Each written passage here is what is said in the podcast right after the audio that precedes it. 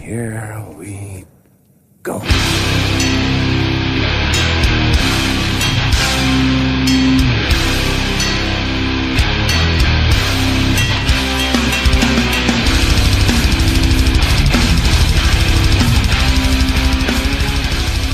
Nere på noll avsnitt 76. Eh, Vi är tillbaka här för att snacka eh, om högt och lågt inom svensk hardcore. Eh, idag med fokus på lite mer hardcoreband som har blivit metal. Och som vanligt är det jag, Robin Lindblad, som är tillsammans med David Olsson Tja tja. och Danne Nätterdal. Tja. Tja, är det bra med er eller? Ja men det är väl bra. Det var ju ytterst nära att det här podcastavsnittet inte blev av. Som jag tror jag har erkänt tidigare så har jag, slarvat bort våran studionyckel. Och vi kör ju nu med lånad nyckel och nu var även den nyckeln borta. Eh, min kompis Adam råkade få med sig den nyckeln till Stockholm.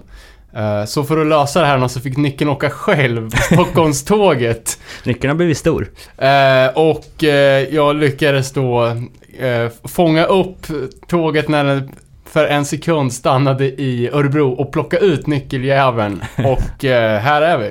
Någon borde ha filmat och lagt på Mission Impossible soundtracket så hade det sett Ja, jag, jag, tänkte, jag tänkte faktiskt filma själv, men jag var alldeles för upptagen med att springa och leta så här.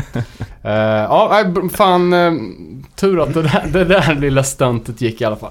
Sweet. Ja men det har ju varit en intensiv vecka för er båda, både du och Adam, eh, med tanke på vad det är ni förbereder för nästa helg.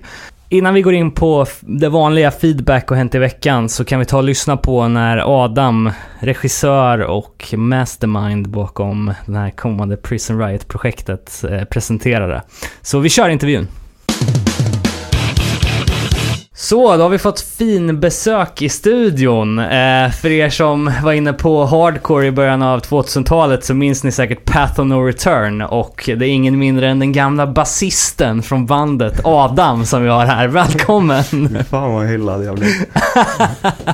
Nej men, välkommen in till studion. Tack så jättemycket. Eh, och eh, vi har väl dig här lite för att det händer något jävligt häftigt nästa helg i Örebro. Stämmer. Det stämmer. Vad är det som händer då? Eh, jag spelar i ett band som heter Prison Riot numera med eran kollega Danne. Eh, och vi ska släppa ett nytt tape med sju nya låtar. Och i samband med det ska vi även släppa en film som vi spelade in förra sommaren. Och det här är en eh, 15 minuter som vi ska visa på Bio Roxy inför fullsatt salong. Så det Ah, coolt.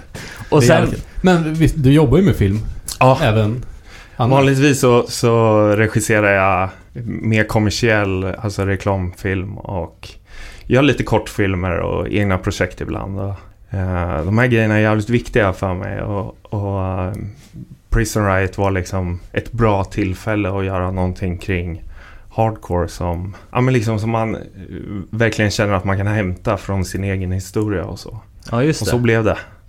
Ja, du har väl filmat lite musikaliska grejer utöver eh, Ja. det här också? Och reklam och så?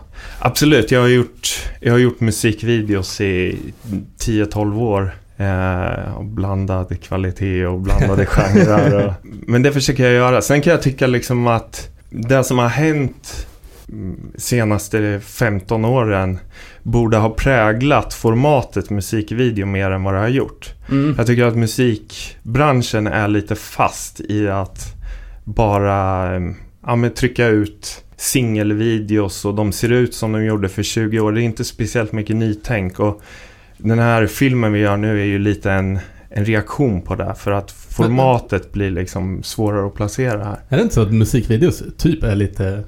Man måste göra sånt nu igen? Jo, Och alltså, så när det, det inte ens fanns väl? Nej, precis. Eh, nu är det ju mer ett marknadsföringsverktyg för, för liksom bokare och, Ja, och managers och grejer. Men å andra sidan så har det ju ingen låst, vad ska man säga, Förut när det skulle upp på MTV och skit, då, då, då hade man ju inte mer än fyra minuter på sig. Nej. Men nu släpps ju allt på, på YouTube och, och det är helt obegränsat egentligen. Men ändå så är man fast i det här att ah, fan, vi ska ut med en singel och det ska vara band i, på scenen. Och, Just ja, det. det, det blir så jävla torftigt i mitt huvud. Vi har, vi har ju sågat diverse olika musikvideos i den här podden älskar ju dock musikvideos. Det är jag, jag det är så jävla såga. Så det, ja. Ja men det är svårt också liksom, vad ska man göra för idé? Ska man stå där och bara spela eller ska det vara en story? Just eller liksom? hardcore kan det ju se jävligt Det ser ofta jävligt stageat ut. Ja men verkligen. Står och spelar i någon, någon jävla... Grotta. Ja, exakt. I svartvitt. Och det bara skakar en kamera lite. Ja. Men hur, hur tänkte ni där då i och med att ni skulle göra det här projektet med Prison Riot? Alltså egentligen, eh, allt som jag, som jag gör börjar ju med ett manus vanligtvis. Mm. Eh, och det är egentligen för att systemet är så, att du behöver sälja in en grej innan du gör det. Mm. Vare sig det är en långfilm eller en reklamfilm så måste du, du måste pitcha idén för, för någon som kan finansiera det här. Och det var ju aldrig tanken med Prism-filmen utan det här gör vi ju för egna, egna pengar såklart. Och då är det ju en mindre budget och då måste man ha det i åtanke. Det här börjar egentligen alltså med att jag började snacka med en kille som heter Robin Asselmeyer Mm. som jag har plåtat med. Som är plåtis alltså. Eh, och Och plåtis.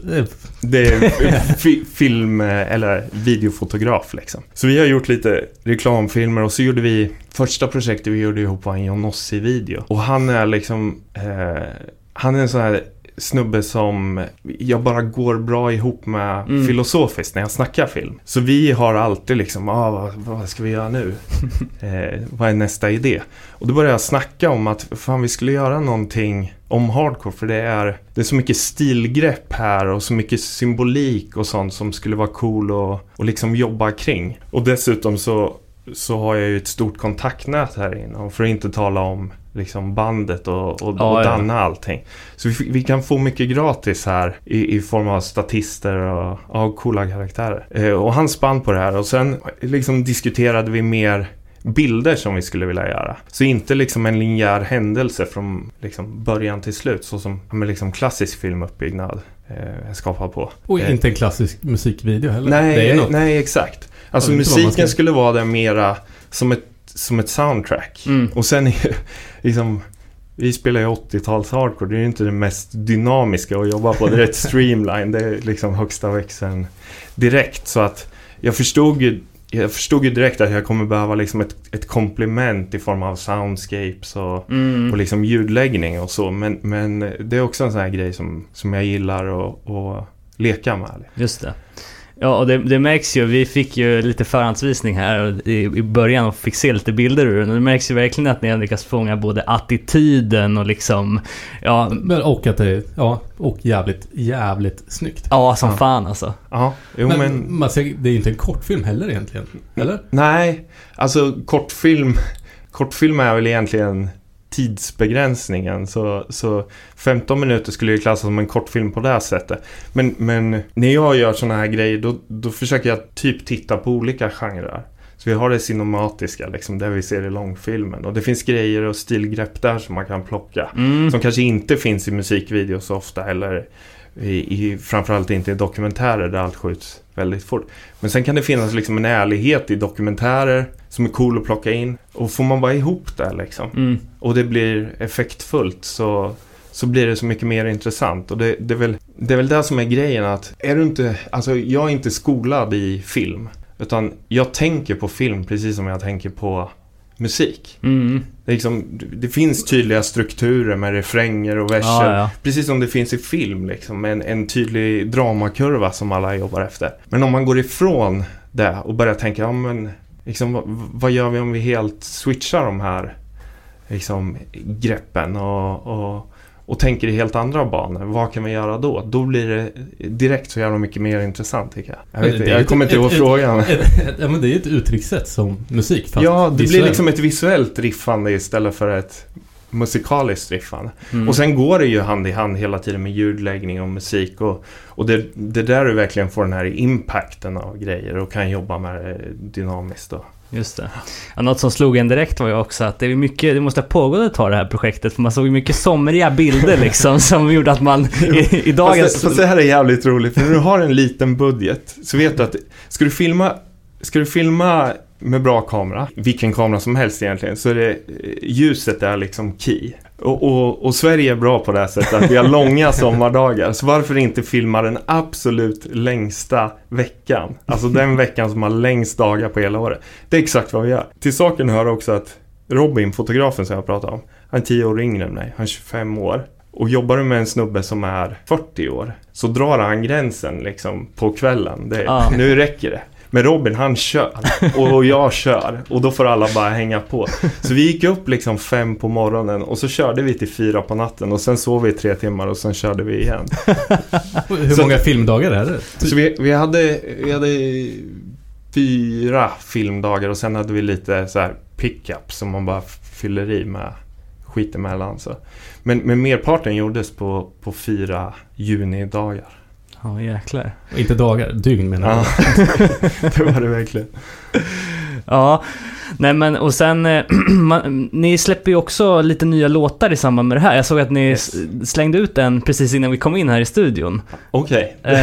det var jag det. Eh, Men planen är att det ska komma ut ett, är det en sjua eller ett tejp eller? Vi släpper ett tape nu och så försöker vi liksom hålla det, ska man säga, eller hur gör man det? här? Men det är ju på demonivå liksom. Ja, Men sen den här tror jag mer vi har en tanke att skulle någon vilja släppa det som en sjua så, så vore det coolt. Och vi har liksom Vi tänker väl oss att det här ska hänga ihop rätt mycket med filmen. ja, Så när filmen släpps så presenteras låtarna och sen släpper vi det här tejpet och så får folk lyssna på det och kommer upp på nätet och skit. Eh, och sen får vi se vad som händer. just det. För, för en gångs skull, jag, jag har varit med i band där det har varit extremt jävla svårt att skriva musik. Vi gör det svårare än vad det är.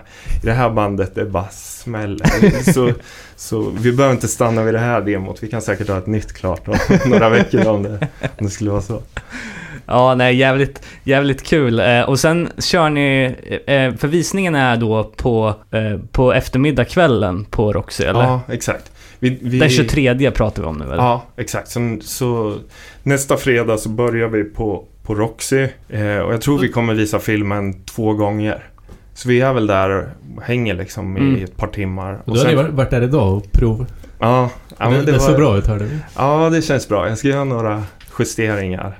Så, så jag slipper sova den här veckan Fan, det också. är jävligt, jävligt coolt att se det på... På big istället för screen, att alltså. sitta på någon jävla YouTube och... Ja. Och det, och det är det jag tänker också att liksom såna här grejer, oavsett om det är musikvideos eller dokumentärer. Merparten ser ju skiten på, på telefoner till slut. Mm. Och liksom hela, hela motivationen till att göra såna här grejer tycker jag att man liksom, man försöker nå upp till en prestanda som lite motsvarar upplevelsen av att gå på en spelning. Mm. Och med det sagt då så känner jag att det här måste vi i alla fall visa upp första gången på en bio. Och sen vet vi inte vad vi kommer göra med det. Vi har pratat jävligt mycket om liksom, om vi ska släppa det på nätet eller om vi ska screena det på fler ställen. Eller Mm. göra någon så här filmfestivalvända med det. Ja, exakt. Det är ju verkligen en inblick i det som är hardcore-kultur, får Jo. man ju ändå säga. Nu har jag ju inte Och, sett och mer. allt, ja, ja, ja, det vi har sett, allt man gillar med Ja. skateboard och... Jo, det, och den är ju väldigt den är ju stilistisk. Den, eh, den dikterar ju inte på några sätt vad det, är, vad det är som är hardcore. För det finns så jävla många nyanser av det också. Men det här är mera liksom, ja men lite det här växte vi upp med. Det här är hardcore från Ja. början rent stilmässigt. Eh, men så är det även liksom open-ended så man kan bygga lite egna historier i det här. Sånt tycker jag är stimulerande att kolla på. Så, Ja, ja, verkligen. så vi får se hur den, hur den tas emot och hur den lever vidare efter det här.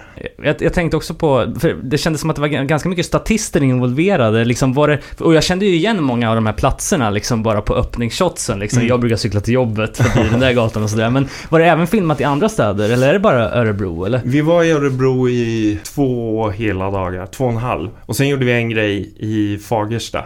Ja, Och det var helt knutet, knutet kring eh, ett gäng statister som vi ville få in några funky dudes and girls. Eh, och sen körde vi en dag i Stockholm, men då hade vi inte så mycket statister. Utan då gjorde vi lite mer eh, grejer inne på 44 Inga Ah. performance-delar, utan men grejer som behövdes för att liksom, lätta upp dynamiken i filmen. Så det var de fyra dagarna och sen var jag tillbaka i somras, ja alltså senare under sommaren. Och då gjorde vi lite fler grejer här. Så merparten är inspirerad i Örebro. Men det, det kommer sig också ur att man, man har cyklat till jobbet och liksom noterat platser ja, här. Och så tycker jag ofta att det börjar att man, ja, man, man syr ihop en location med en scen och så, och så växer det i huvudet och till slut då kan man inte byta ut den platsen. Utan då är det just där det måste hända. Liksom. just det.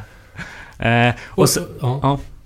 Nej men och sen eh, efter, filmvisningen är ju först och sen kör ni releasefest på kvällen på Satin. Exakt. Och hur, hur, tänker ni då om man lyssnar på det här och vill komma och kolla på filmen? Finns det några platser kvar till någon av visningarna? Eller är det... Alltså det, det ska man, man ska dra ett schysst mess till Deep Pride och, och kolla om man släpper in en bakväg. Jag tror att, jag tror att alla liksom platser är uppbokade. Mm. Så var det senast jag kollade. Men det finns ju ett Facebook-event man kan...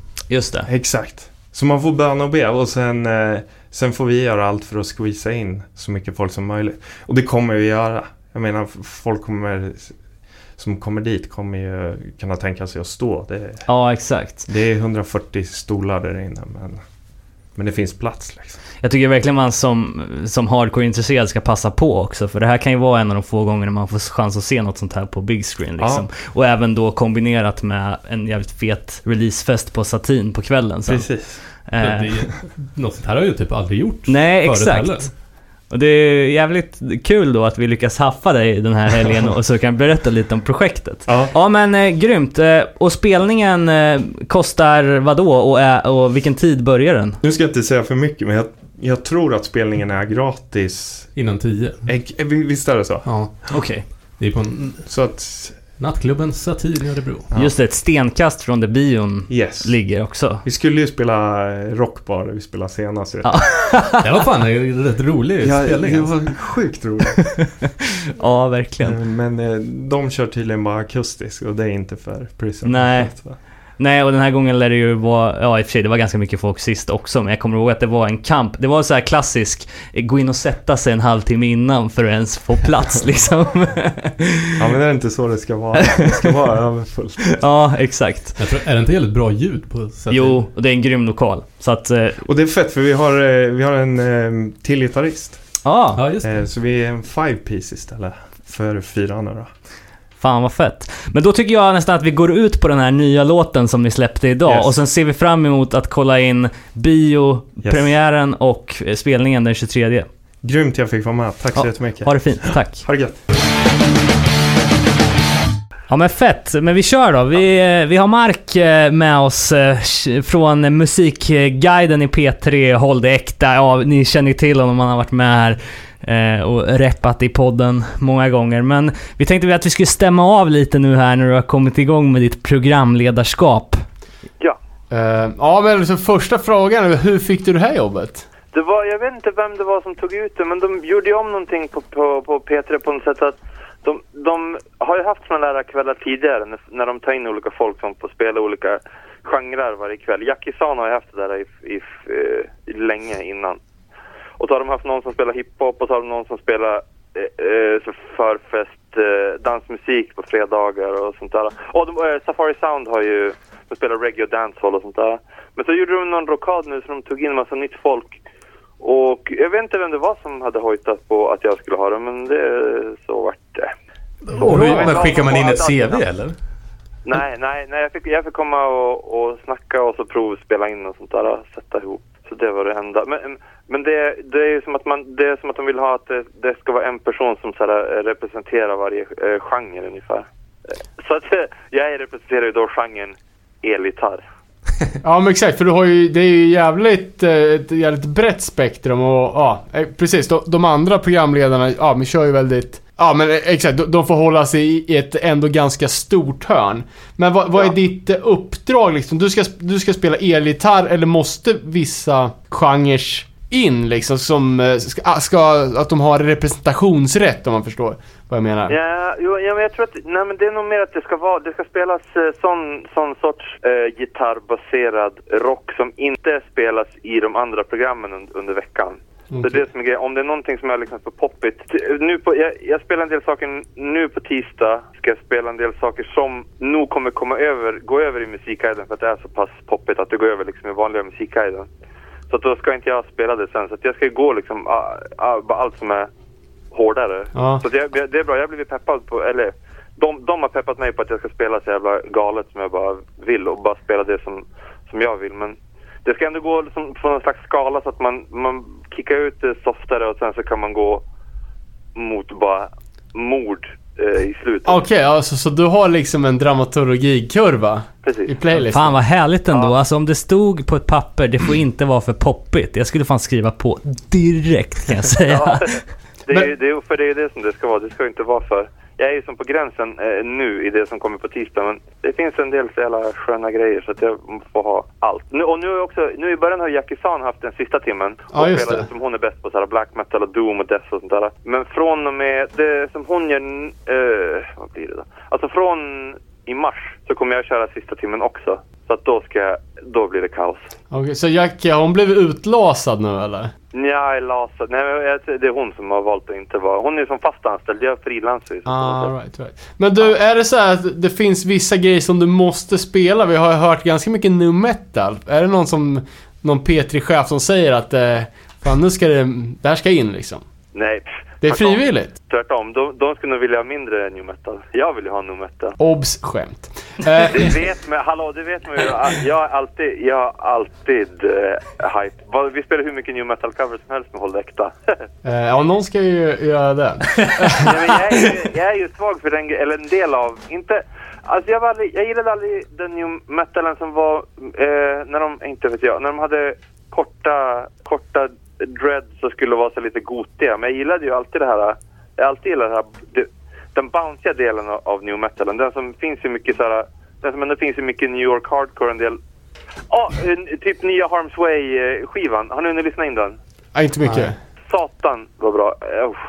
Det, är liksom, det finns ett, vissa gung i vissa låtar som, som jag gillar som fan. När det, när det, det, det grooviga. Det, det där, så det gillar jag. Det kommer jag spela. Hmm. Ja, jag sa ju Det är precis att jag gillar, att jag gillar första Korn-plattan, så jag, jag är väl där Ja. också kanske. Ja, fan jag, är- fan, eh, fan, jag gillar mycket av Korn. Just för att det är, just för att det är det där, den där grooviga grejen. Men så finns det mycket av new metalen som har, som har blivit så jävla dåligt från förut som inte är fett nu. Men det finns många band nu som tar det, det som jag tycker var bra med det då och inte gör det, det gamla lökiga. Men jag tror att de flesta inte håller med. Så det är kanske det mest, eh, är det, är det det mest kontroversiella inslaget i... Ja, för jag stod här och tänkte själv på vad det första var jag hörde, men kan det ha varit... Jag vet inte om jag nu kommer få en storm av arga kommentarer här, men Guano Apes var väl ändå lite nu metal, eller? Ja, det var de. Det tycker jag. Det var ju jävligt bra när det kom. Jag gillar, jag, jag, jag, fan, jag gillar det som fan. Men du Mark, du pratar ju vanligtvis eh, väldigt snabbt, ganska otydligt och rätt så osammanhängande. Ja. Eh, och i radion när vi hör det så är du så, alltså, så väl artikulerad, så Ja. bra sägningar, väldigt, alltså, får du jobba hårt med radiorösten? Jag får jobba jävligt hårt för att formulera mig ordentligt. Just för att du säger, jag är ju, på det sättet är jag ju typ den sista som ska prata i radion. Just för att jag aldrig kan hålla en tråd och inte typ kan uttala eh, vanliga konsonanter. Så är det ju. Nej, det, det, det, låter, det låter jävligt bra.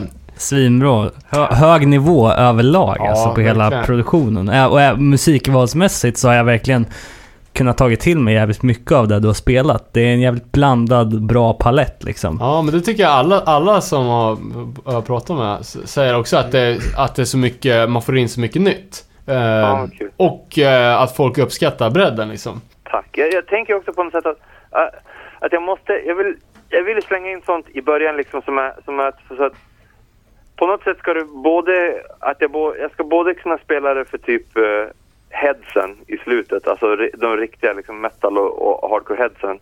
Men sen fortfarande att typ deras uh, morsor och farsor ska kunna lyssna på det också på något sätt. Det, grej, man vill, jag vill att det ska, målet är att, att det ska kunna vara som en gateway, eller hur? Så att man börjar med någon som bara, fan det här är jävla, finns ju lite, alltså, här och så till slut så då sitter de där och lyssnar på nya backtrack. Ja, men jag, jag tror liksom, vad fan, alltså, du snackar om att folks föräldrar ska kunna lyssna. Eh, det har ju gått nu så att nu är det ju föräldragenerationen, sådana som mig, liksom, som lyssnar på hård musik. Eh, kidsen, de lyssnar ju på, det är Soundcloud Trap liksom. Så att, Ja. Eh, ODZ. ja, ja men exakt. Eh, det är Lil Son och de där. Det Eh, är jävligt sant. men eh, jag tänker, det spelas ju jävligt mycket låtar. Är det svårt att få ihop playlisten till varje vecka? Nej, nej, nej jag tycker inte. Det, det finns så jävla mycket om man bara börjar gräva. Det som jag skulle vilja ha. Och sen kan jag, jag spela, de, de låtarna som jag tycker förtjänas mer är också bra att spela. Jag vill spela en del grejer flera gånger i flera program. Just för att jag vill, vill pusha det. Ja. Men alltså, det finns ju så satans mycket om, om man väl vill.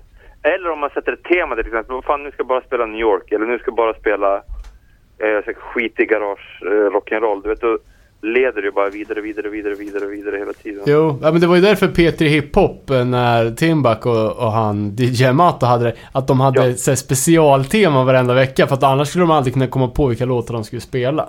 Nej, och så vill man ju, jag tror att man också vill som lyssnare att man ska fatta något slags tema så det inte bara är virvar eh, hela tiden.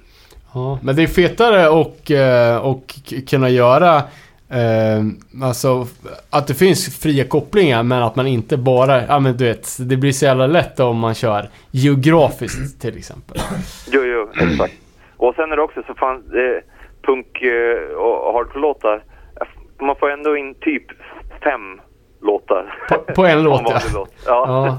Och speciellt man ser skillnaden mellan när, Jackie kör Doom och Black-grejerna, som, är, eh, som ändå kan vara så 7-8 minuters låtar mot för, inte om jag spelar, spelar American Nightmare, Hangman och Queens så är det så 0,59 låtar. Uh, men du, P3, de älskar ju ny musik. Måste du spela nytt eller? Mm, jag ska alltid spela nytt. För det som det som är, annars kan folk lyssna på, eh, vad heter den då? Bandit eller pop. Ja, ah, rockklassiker, jag mm. förstår. Mm. Jag sträcker mig som bara bak till max 2000 17 är det som jag ska som ligga i max. Och nu, det var nog ganska tacksamt att kunna börja alldeles i årsskiftet nu nästan för att jag kan ta från hela förra året. Men annars ska det bara vara nytt hela tiden. Så right. jag ska hålla koll på det också och få så här ex exklusiva... All right. Ah, ja, fan, det ska vara nytt så att folk skriver in det. Spela halloween eller fan, ska du inte... jag, jag har ju också... Eh, men jag är ju i, i tisdags spelade en massa så religiösa, eller... Det, jag höll på att börja sn- spelade med ett band som heter Haram. Ja. Som, sjunger på, som sjunger på arabiska och har så här eh, islamska inslag och sånt där. Men, Ja, men då- de har vi då- både ja. snackat om och diggar, så... Ja. Och, och, då, och då, slängde jag, då slängde jag en kort grej bara från Shelter och från Sons of Abraham bara för att som visa på. Så det, det kan väl vara i, om det finns i ett tema, om det finns en idé med att spela något jättegammalt så, kan, man- så är det okej att göra det. Eh, ja. Men du, fan, du, du eh, verkar ligga lite lågt med Hardcore and Soda. Eh, Är det för att du inte får för public service? Hinner du inte? Eller har du redan använt alla läsksorter som finns? Nej, nej jag hinner inte och jag har inte, och jag har inte haft råd att uh, få in lika mycket skivor heller, eller läsk. Det var ju det var, det var mycket enkelt också när jag studsade mellan Stockholm så mycket under förra året och nu har jag inte varit i, där på jättelänge så det blir så svårt att hämta hem nya grejer hela tiden.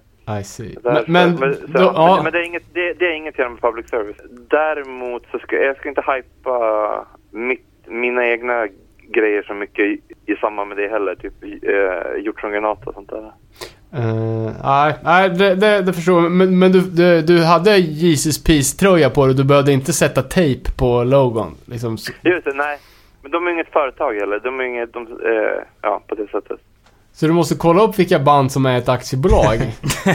ja, men, ingen Misfits. Eller Metallica. Precis. Ja, vad fan, det är ju ju skitmånga ba- band som, som, har, som är ett, ett bolag för att kunna dela upp pengar och turnera och ta ut lön och sådär. Just det, vad är det, de säger, vad är det man säger nu? Man är, de är, man är inte musiker längre, man är ett resande t-shirt-företag.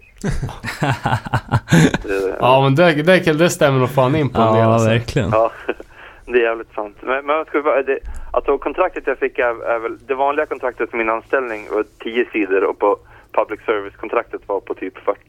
Åh, jävlar.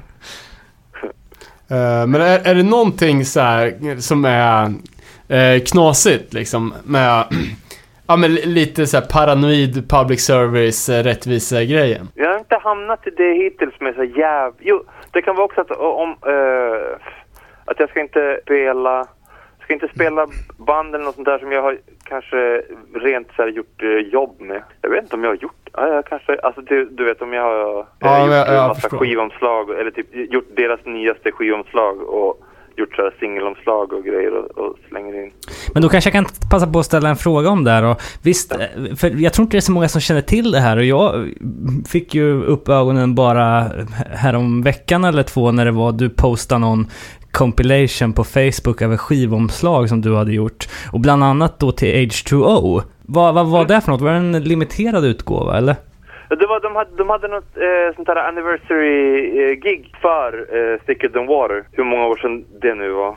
Men, men då hade de som ett sånt, eh, för att fira den och spela det hela albumet rakt igenom, så hade, hade eh, Bridge 9 och de hyrt en båt som de åkte ut på. Ja, för de, det det, är no, det är några som har båt connections. För där vet jag massa New York-band som spelar på, på den där båten. Jaha, okej. Ah, Det är samma typ så här räkfrossa och sen som spelar Incendiary och sen är man tillbaks i hamn liksom. Okej, ja fan. Ja men coolt. Ja, så jag gjorde den. Det var t-shirts och, och skivomslag. Men det är för att jag har haft, jag har haft mycket med han, eh, med Chris eh, Wren på Bridge 9 att göra förut. Med massa, han har köpt massa fanzines och hjälpt till och fixa sånt där. Jag har gjort något annat designgrejer åt honom för det. Jävligt coolt i alla fall. Ja. Ja, det var fan jävla fett. Men ja, det var kul. Toby Bobby.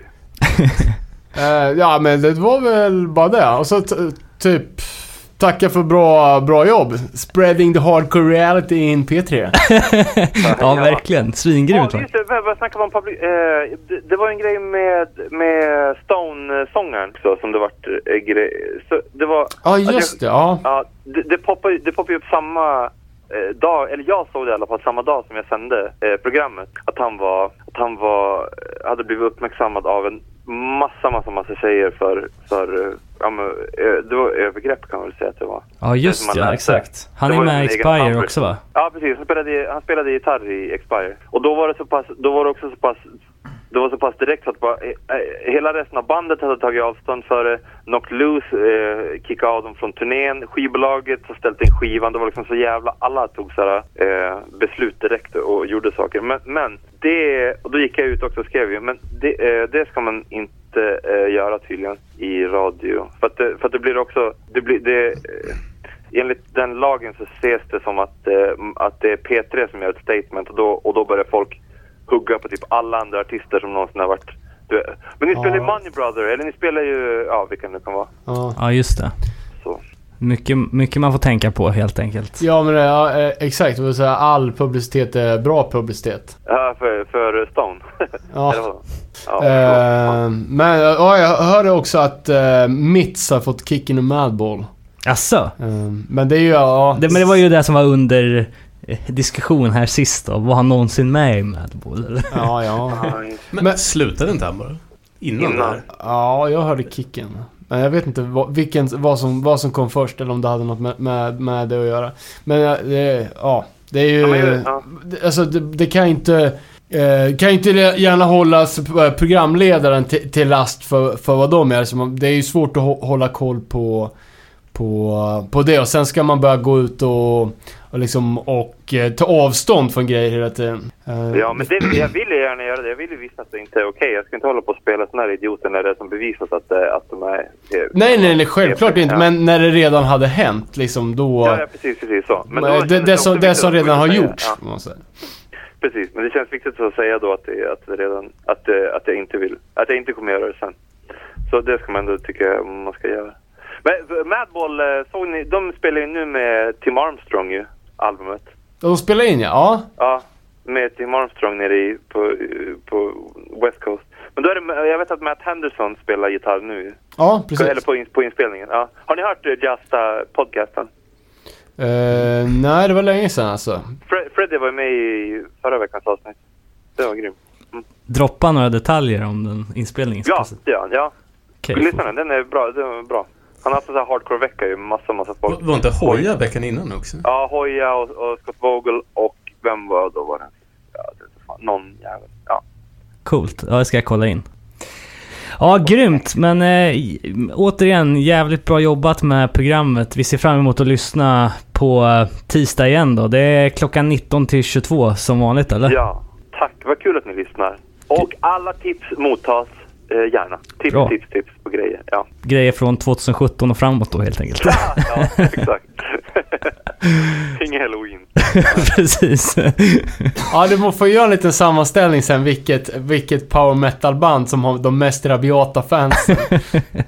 För det är liksom såhär, var, var, var tredje önskning är Maiden eller Halloween eller Running Wild eller någonting. Exakt. Jag vet att det kommer vara så. Ja, fan vad kul. Men eh, bra, vi tackar så jättemycket Mark, så får du ha det så bra, så hörs vi framöver. Puss på er. Tack till Peace, också. tja, Hej hej. tja. Feedback, hänt i veckan. Eh, någon nämnde att vi hade blivit hotade med stryk. vad, vad rörde det sig om? Ja, exakt. Det var ju inte så länge sedan vi fick vår första negativa feedback. Men nu har det stigit längre, alltså att vi till och med blivit hotade med stryk här. Det är rätt gött ändå alltså, eller? Men det var ju ganska eh, otippad anledning eh, ifall vi skulle dissa Chromag eh, och deras eh, senare metal-låtar. Och vi är ju verkligen inte de som, har, som eh, tycker jag, snackar illa om Chromags i onödan, snarare tvärtom. Nej, exakt. Och sen har vi fått eh, efterfrågan någonting som vi är jävligt dåliga på. Det är att uppdatera vår playlist. Vi hade ju en Spotify-playlist som skulle hänga med varje avsnitt. Just det. Det var ju typ ett år sedan vi det. Ja, men den, den... eh, Vi får ta och ta ett krafttag där he- helt enkelt. Ehm, ja, jag såg, eh, vi hade fått på, på mailen ehm, lite information om, och vi kanske kan börja där också, för det är ju lite hänt i veckan, eh, gällande Satanic Surfers. Eh, de är ju tillbaks eh, efter, jag vet inte hur länge sedan det var de släppte senaste plattan, är det 2004 kanske? Det borde jag ha stenkoll på, men Jag har inte en glue alltså. Eh, men de eh, gör ju storstilad comeback här då genom att släppa först en sjua som heter eh, The Usurper. Vad fan är en usurper för något? Det är väl eh, något... Eh, jag tror att det är... Nej, jag ska inte svära på det här, men jag tror att det är någonting som liksom äter upp saker. Alltså omfamnar och förstör saker. En liksom. slukare. Ja, exakt. Ehm, och det är deras eh, första släpp då.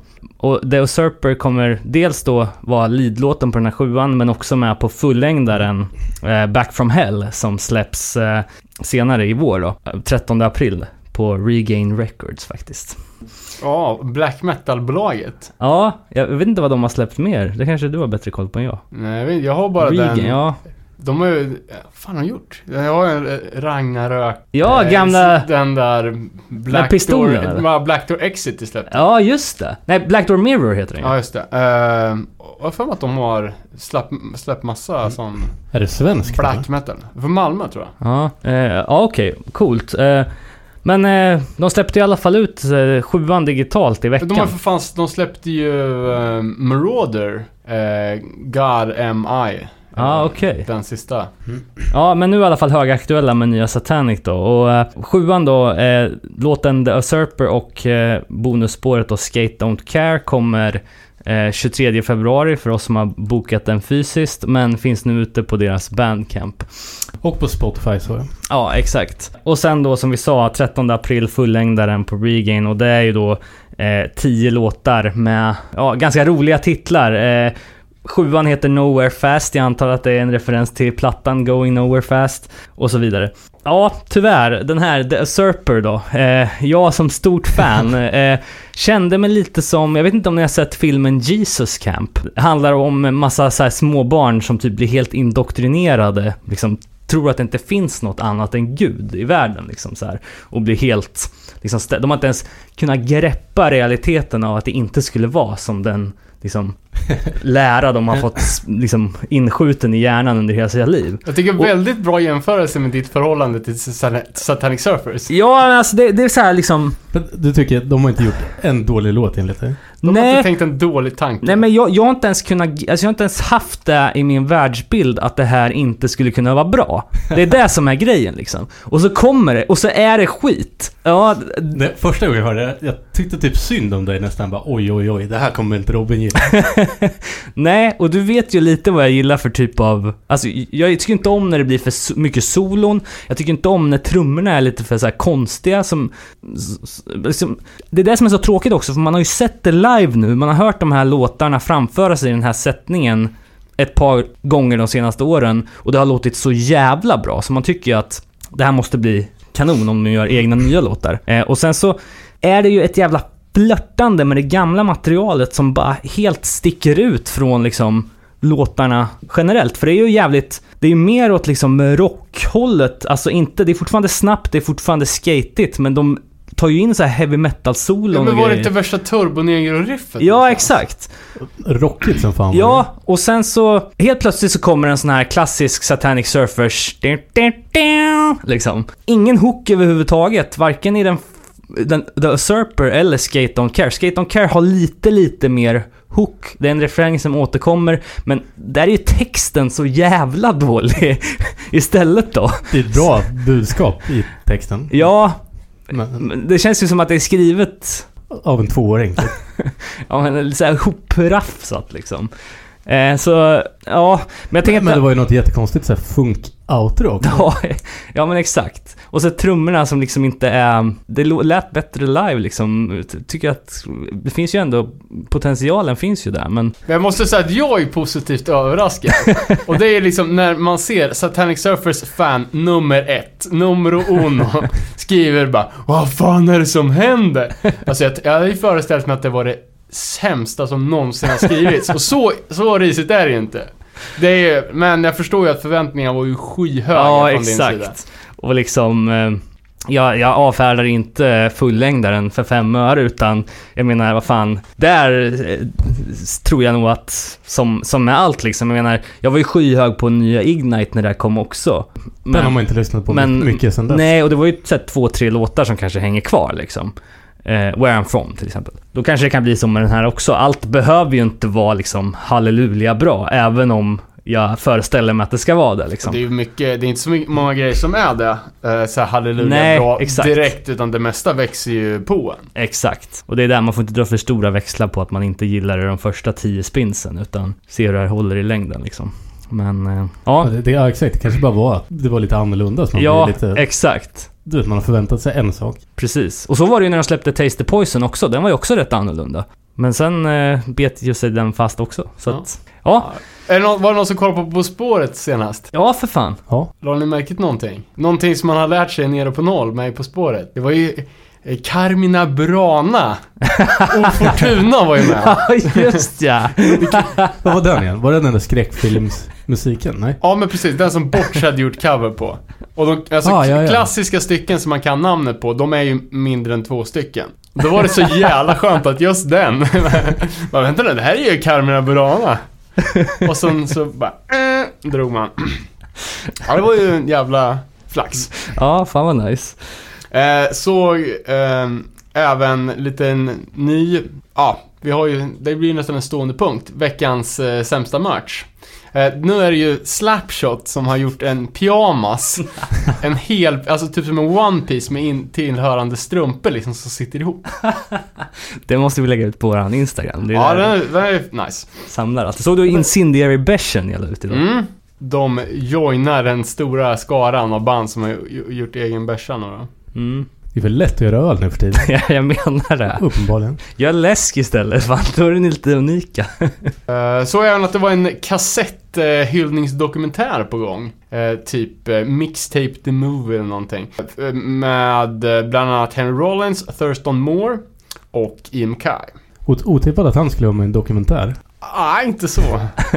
Ja, jag kan eh, smita emellan då med Bad Religion som eh, annonserar att de jobbar på en ny platta. Uppföljare till True North. Som väl kom 2013 eller något sånt va? Känns som att det var bra länge sedan. Det var några år sedan. Eh, ja. Jag såg att Greg och grabbarna var ute och vevade om det här på Twitter. Så att eh, det är väl något att se fram emot. Se vad de kan prestera. Jag tyckte att True North var ändå helt okej. Eh, även Integrity spelar in nytt. Mm. Såg jag. Sen nya släpp då. Nu, ny låt igen från Twitching Tongues. Mm. Från kommande Fullis. Låter ju svinbra såklart. Det är ett jävla genigäng. Jag gillade fan den första singeln, vad den hette. Harry... Ja, den som kom nu. Nej, nej, den tror jag kom någon vecka sedan. Ja, ja men precis, precis. Ja, nej men det är ju, låter, låter som, som ska. Eh, sen har ju Arms Race släppt en jävligt, jag vet inte om den är ute fysiskt än, The Beast, en sjua. Eh, som har varit all over the place. Ja, engelska cross-cross-bandet nu då, som följ, följer upp med en ny sjua. Eh, från, den är släppt av La Vida es un mus. Som, ja, det, det, det, låter, det låter som man, eh, som man vill att det ska låta. Det är en, en jävla käftsmäll helt enkelt. Just det. Uh, Harm's Way har ju släppt Posthuman nu också. Eh, deras eh, fjärde fullis på... Jag vet inte om, vilken release i ordning den är på Metal Blade men... Vad fan, är inte det Death Wish eller? nej, jag tror den är släppt på Metal Blade. Men eh, ja, kom ut till mycket hög fanfar här. Vi lyssnar ju på... Eh, vad heter den där? Human Carrying Capacity. Ja, precis. Eh, och den har väl fått jävligt bra recensioner för folk som gillar tung industri-hardcore typ. Alltså, Det var jävligt snyggt omslag. ja. Jävligt annorlunda. Men det var ju den där förra Rust också. Att den var, att den gick helt i äggskalsvitt. Alla American Psycho med rostdetaljer och sen att det var i, i sån här die cut på vinylen. Just det. Fan jag har inte lyssnat på American Nightmare.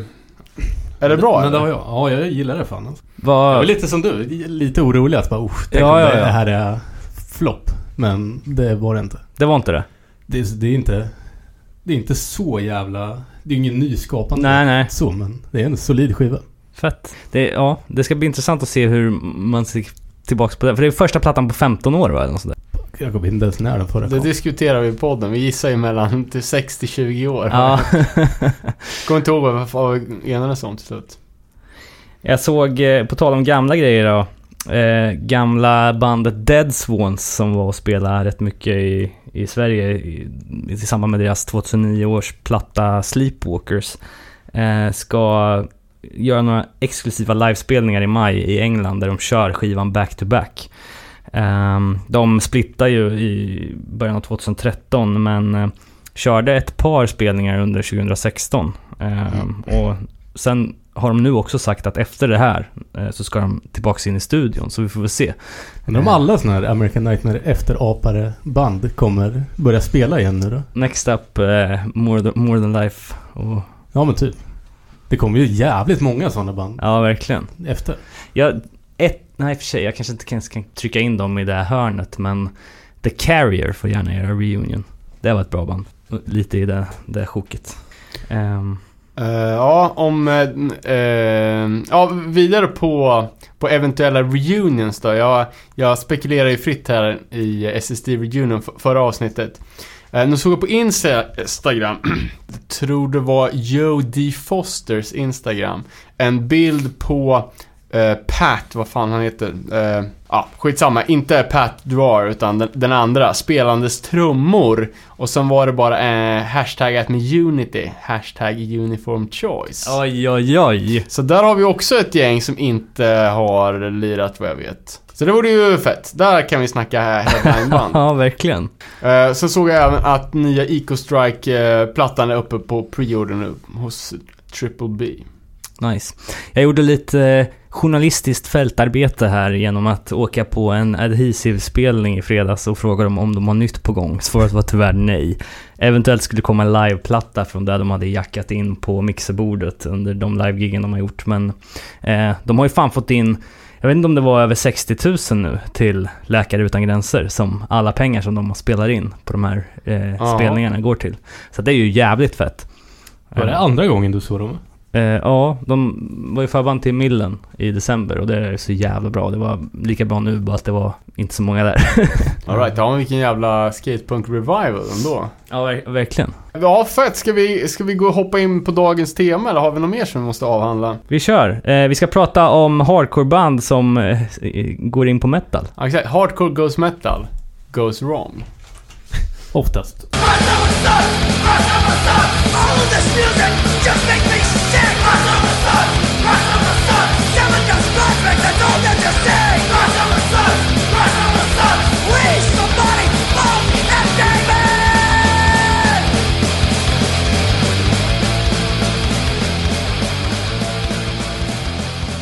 Fan, vi kan inte komma in på en bättre låt än Slapshots eh, Masterpiece. Crossover sucks. Exakt. Och det är det vi ska prata om idag. Eh, Band som antingen bara sket i hardcore efter någon release och gick in på metal, eller som släppte en skiva som var way out there i, i, i våra mått mätt då. Men Så att, det är ju uppenbarligen en jävla fälla för många band gör det ju verkligen. Och det, det är ju det som kan vara lite intressant att se här. Vi, vi, vi kommer ju toucha på eh, TSOL och lite sådana där band. Där, där ballar det ju ur som en produkt av den tidseran som de verkar i. Andra band eh, bara gör, släpper en skiva och sen går tillbaks till att spela hardcore. Ja, det finns ju många olika, olika eh, aspekter av det här och Ja. olika vägar man kan Det finns ta. många Men, vägar att sluta spela hardcore. ja, exakt. Men jag vet inte, är det någon som vill börja med något? Nej, men jag, jag tänker om vi ska bara liksom eh, snacka li, lite om fenomenet. För det är ju så, både nu som då, så är det ju någonting som många band har glidit över till. Alltså okej att liksom, att metal kanske är en av de närmsta släktingarna. För det är inte, det är inte så många hardcore-band som har börjat, som har spela, börjat spela, äh, jag kan inte ens, kan inte ens gissa. Men liksom eh, popmusik ens. Nej, nej, exakt. Eh, Utan det brukar ju vara åt, åt metal det går. Och fra, alltså det är ju också, man har ju sett många tecken på framgång de senaste åren just när hardcoreband börjar metallisera sitt sound. Inte minst Nails som fick sån jävla upswing liksom. När de började spela lite. Ja, nej men jag tror att det har... Men det är ju jävligt många som gör tvärtom också. Så, som inte blir stora. Ja, ja.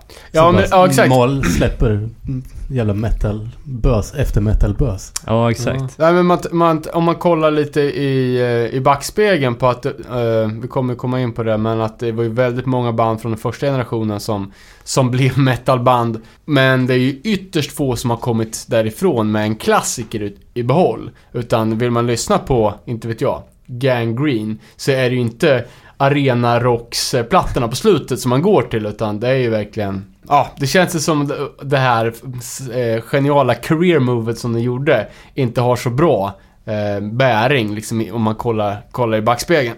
och det vet man ju inte hur banden som, hur banden som börjar hardcore, till exempel Hatebreed, liksom eh, eh hur kommer deras eh, metal-år se ut? Om, man, om de får, får finnas och, och hålla på liksom, kommer de tröttna och gå tillbaka till en mer eh, eh, klassisk hardcore-stil eller kommer de harva på? Och gemensamt har ju både de nya och de gamla banden som har valt att appellera mot metal är att det har varit jävligt hårt turnerande band. Mm. Många av de största liksom av sin tid. Eh, och det måste ju ha någonting att göra med att eh, de vill ha en publik att spela för. Ja, exakt. Och det är intressant det där du säger. vadå, tror du att de tänker att de ska få större publik? Ja, och kunna vara med på turnéer där det är mer mixad liksom, publik. Och det behöver ju inte vara ett, liksom ett, eh, ett eh, uttalat mål. Det kan ju vara någonting som, alltså som sk- sker, eh, att, att det smyger på dem. Liksom de vet vilka, och de har gjort en låt som är lite mer metal, och så den funkar skitbra liksom live. Och sen när de ska skriva nytt material så då bara, ja ah, men just det, det här, så här kan vi ju göra. Det gick ju jävligt bra, det gick ju hem liksom. Mm, mm.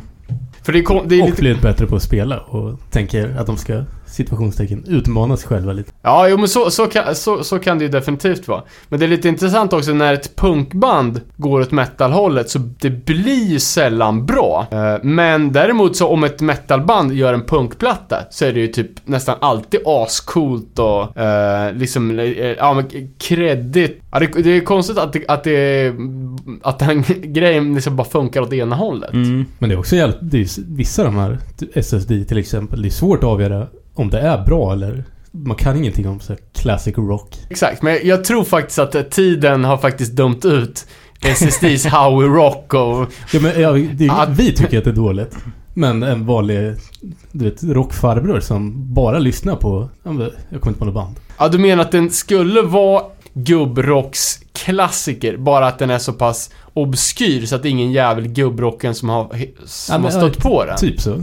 Men kan det inte vara därför då, som du sa där, det är ju jävligt intressant faktiskt att om, om man börjar med att Om, om spela... det är gubbe som har lyssnat på Rush eller någonting. Ja. Och så får du höra det där. Då kanske du bara, ja fan det här är Jo. inte så jävla pjåkigt. Men tror du inte att det är lätt så att det liksom, det avfärdas som, som någonting i mängden då liksom? Jag menar, som med både Hatebreed och med SSD och sådär, de som har fått de banden att vara relevanta än idag.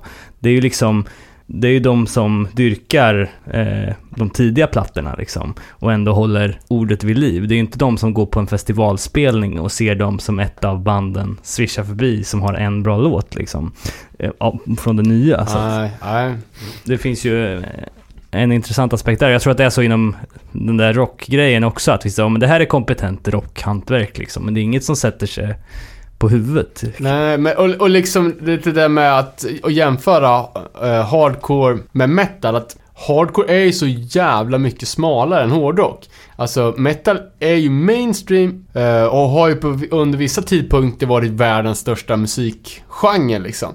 Till och med ganska hård musik. Uh, Ja, men typ som att, jag tror fan typ att Guns N' Roses och Metallica har varit världens största band liksom. Det blir liksom om ett punkband går metal, då, då, det blir liksom lite, det blir så himla urvattnat att man istället för att vara en unik del av någonting litet blir man, man bara en atom i den, den här eh, rockrymden liksom. Att det är jävligt mycket svårare och eh, märka ut sig och man tappar lite av sin själ och det som är speciellt liksom. Ja, men exakt. Och det märks väl också i musiken. Jag menar, fan, återigen då. Det är mer själ i de tidiga plattorna när de spelar vad de ville spela, än det senare när man spelar någonting bara för att hålla ett yrkes, yrkesmässig relevans, få plats på de här turnéerna, liksom, Ja, nå ut Men, till dem. men är det inte all Svennebanan metal är ju fan rätt själlöst.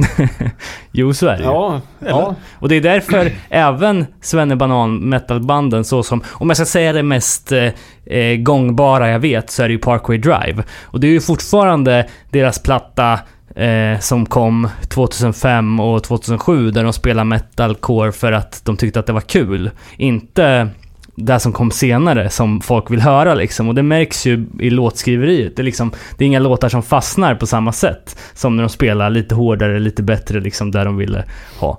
Och, och, och det kan ju vara ett fenomen som, ja det är ganska lätt som publik att det skiner Ja. igenom liksom. Och en sak som är Uh, ganska stor skillnad också liksom ideologiskt, eller vad man ska säga, mellan de tidiga banden, alltså det var ju Bostonbanden som var absolut först uh, med att börja exploatera hårdrocken. Uh, det var ett, alltså Bostonbanden, de var ju hardcore, de var så jävla kort period. Alltså de slängde ur sig typ en eller två skivor var mellan 81 och 83. Och det här var ju liksom innan, jag tror inte hardcore liksom var, det var inte riktigt etablerat som ett koncept. Alltså det fanns liksom inget egenvärde i att vara ett hardcoreband. Som det är nu när det är liksom en stor rörelse och... Eh, ja, alltså det var liksom, det var, det var nästan ingen som hade spelat den typen av musik. Eh, Och det var ju ingen som hade tagit det ett steg längre, så de hade liksom inga varnande exempel för liksom att det är nog, ing, det är nog ingen bra idé liksom att hoppa på cockrocken för att det... det Glamrockstrenden. Nej, exakt, för att det har visat sig aldrig blivit bra. Nej. Eh, Men det är ju också jävligt intressant liksom med, med om man snackar Bostonbanden.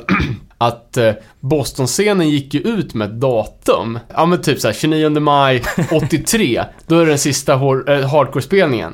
Sen efter det så ska, ska, så börjar vi spela metal. Och så gjorde de sina, sina sista hardcore-gigs och sen bara, "Nej, nu är det metal då imorgon.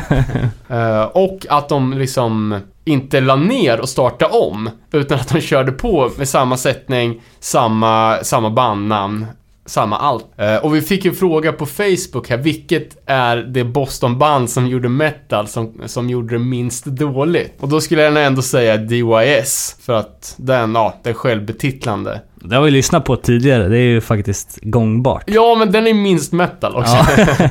Är det inte den där ballad med? Jo. Vad fan. Ja, men jag tycker ändå, jag tycker ändå att den är bra. Hyggligt. Den Howie Rock är ju inte... så, så dåligt är det inte. Det är ju inte... Det är ganska snabba trummor ibland. Ja, nej, alltså... Lite, lite hardcore feeling är det ju typ. Ja, men alltså... Det beror på vad man menar men, liksom. men det är noll på en powerballad. Ja, men vad, vad man liksom lägger för värderingar i ordet ganska bra. För att okej, jag, jag, jag, kan, jag kan absolut lyssna på Howie Rock liksom. Jag har ändå gått och köpt den liksom. Men, äh, vad fan, nej. Nej, Eh, nej, det kanske blir att man jämför det med någonting. men- Ja.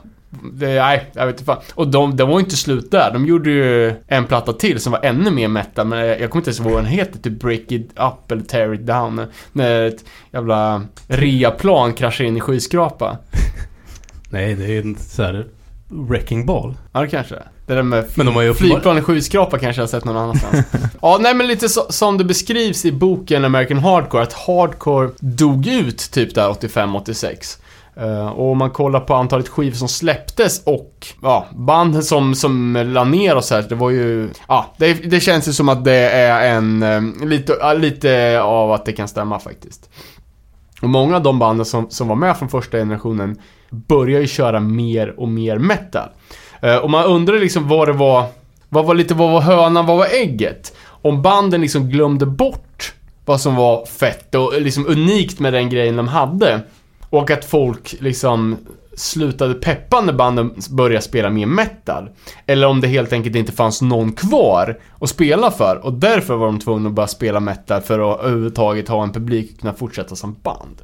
Eh, men jag tänker, eh, lite av den, eh, alltså åt det hållet som många banden började gå, det var ju över mot thrash metal-grejen. Och om man kollar på liksom, eh, de, ja, de som brukar kallas the big four inom thrash metal, det är ju Anthrax, Slayer, eh, Metallica och Megadeth. Och alla de har ju mer eller mindre punkrötter, alltså hela thrash metal-grejen är ju lika mycket en, en produkt av punkscenen egentligen. Uh, inte, Anthrax, de, ja, de var ju så förknippade med, med, liksom med New York Hardcore, de är ett New York-band. Så de försökte ju trademarka New York Hardcore-loggan. Och Slayer vet det fan, de körde ju liksom kanske lite mer på den här Venom-stilen rent utseendemässigt. Men de har, ju- gjorde ju även en, eh, eh en punk-coverplatta här som vi snackade om i cover-avsnittet då. Eh, och, och Metallica, de såg ju liksom klart mer ut som hardcore punks än, än vad Slayer gjorde. De, de körde ju liksom typ skräckfilmströja och, eh, jeans och sneakers liksom. Eh, och eh, ja men hade ju ganska liksom punkig, punkig attityd och ja, men, då kör de liksom, det var ju de som typ lanserade Misfits för den stora massan liksom. Och, och Kirk Hammett spelar ju, gästar ju Septic Death eh, på extra gura och sådär.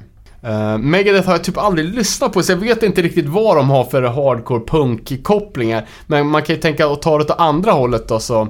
Tänk Ag- Agnostic Front, den första låten på, på Cause for Alarm, den är The Eliminator. Uh, Killing's my business and business is fine.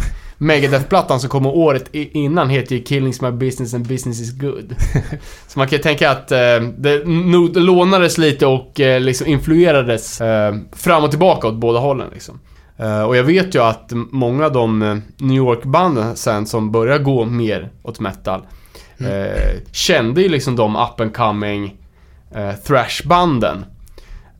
Och de gjorde gigs ihop och liksom hur metalbanden vart så jävla mycket bättre behandlade. Eh, de fick, ja men typ minst dubbelt så mycket gage på samma klubb. Och de, ja men kunde dra en helt annan publik liksom. Och det är lite int- intressant också för att det var inte bara eh, thrash metal-banden som hade koppling, koppling till hardcore utan det är eh, klassiska glamrockbandet Skid Row. Ehm, de är ju från, från, från New Jersey tror jag, hängde mycket i New York. Och det finns ju massa bilder på den när den eh, hårfagre sångaren Sebastian Bach glider runt i jävligt cleana Warzone och Crumbsuckers tröjor. Ehm, Men, ja, det är mer... Ja, är det glamrock? ja men det är ju såhär glam hair metal typ. Ja. De som är, Powerrock den. ja typ. 18 to life för fan. Ja, en exakt. klassiker. Ja, nej, det är inte så, så, så jävla pjåkig den låten. Ehm, men som, ja, det finns ju många liksom eh, tecken på att hardcore-scenen, speciellt då i New York, eh, att de hade jävligt bra connections. Band som jag lyssnade på som jag snappade upp när jag gick i trean på, på lågstadiet var ju eh, Whiplash. Eh, och sen senare kollar man upp på i eh, Ja men i, i konvolutet och där är ju både Rob Kabula och Stigma från Agnostic med och körar. Eh, tillsammans med, med Peter Steele då från Type O Negative som också har super hardcore koppling liksom. eh, Sen eh, eh, råkar jag också stöta på att eh, eh Sebastian Bach har lirat ihop med eh, Dan Svane i ett tvåmansprojekt här på senare tid. Asså? Jävligt udda. Vad var det där då? Jag vet inte. Faktiskt, jag, jag, bara, jag bara såg det på, på, på relaterat. Så. Ja, men ett av de banden då som, eh, som jag tror har fått lida nästan hårdast av att gå över till metal, det är ju TSOL. Ja. Som då inte valde den Men det är skumt. De har ju... stenhårda thrashen, utan de tog glamrocksspåret. Precis. Men de har ju gjort... De har ju gjort så jävla mycket stilbyten så det... De har ju provat allt, typ. Det gick från punk till, det är ju så här post. Det låter som The Cure ett tag. Ja, Ja, alltså Och sen blir det någon rock och sen blir det glam. typ. precis. Man kan, precis. Death rock, art punk, horror punk, alltså allt möjligt. De har ju släppt, vet inte hur många, många eh, skivor, men eh, det var väl deras självbetitlade från 1980 som var den riktiga hardcore-stänkaren liksom. Eh, ja, vi, ja. EPn alltså. Uh, all right. ja, de har ju faktiskt... De två första sjuorna är, är ju hardcore punk. typ. Och den eh, plattan som kom 81 va? Eh, Dance With Me. Det är ju de, de, deras största klassiker. skulle jag säga. Mm. Det är det Men, som är men redan där har det ju blivit... Ja, alltså där är det, sjunger de ju om och... Då tog de ju steget från de här vänstertexterna som de hade på första EPn och liksom... Det är horrorpunk. Ja, exakt. Och sen, jag menar, Benito, Benito Shadows som är den andra fullängdaren, där var det ju... Där är det ju All Out The Cure. Ja, exakt. Ganska bra också.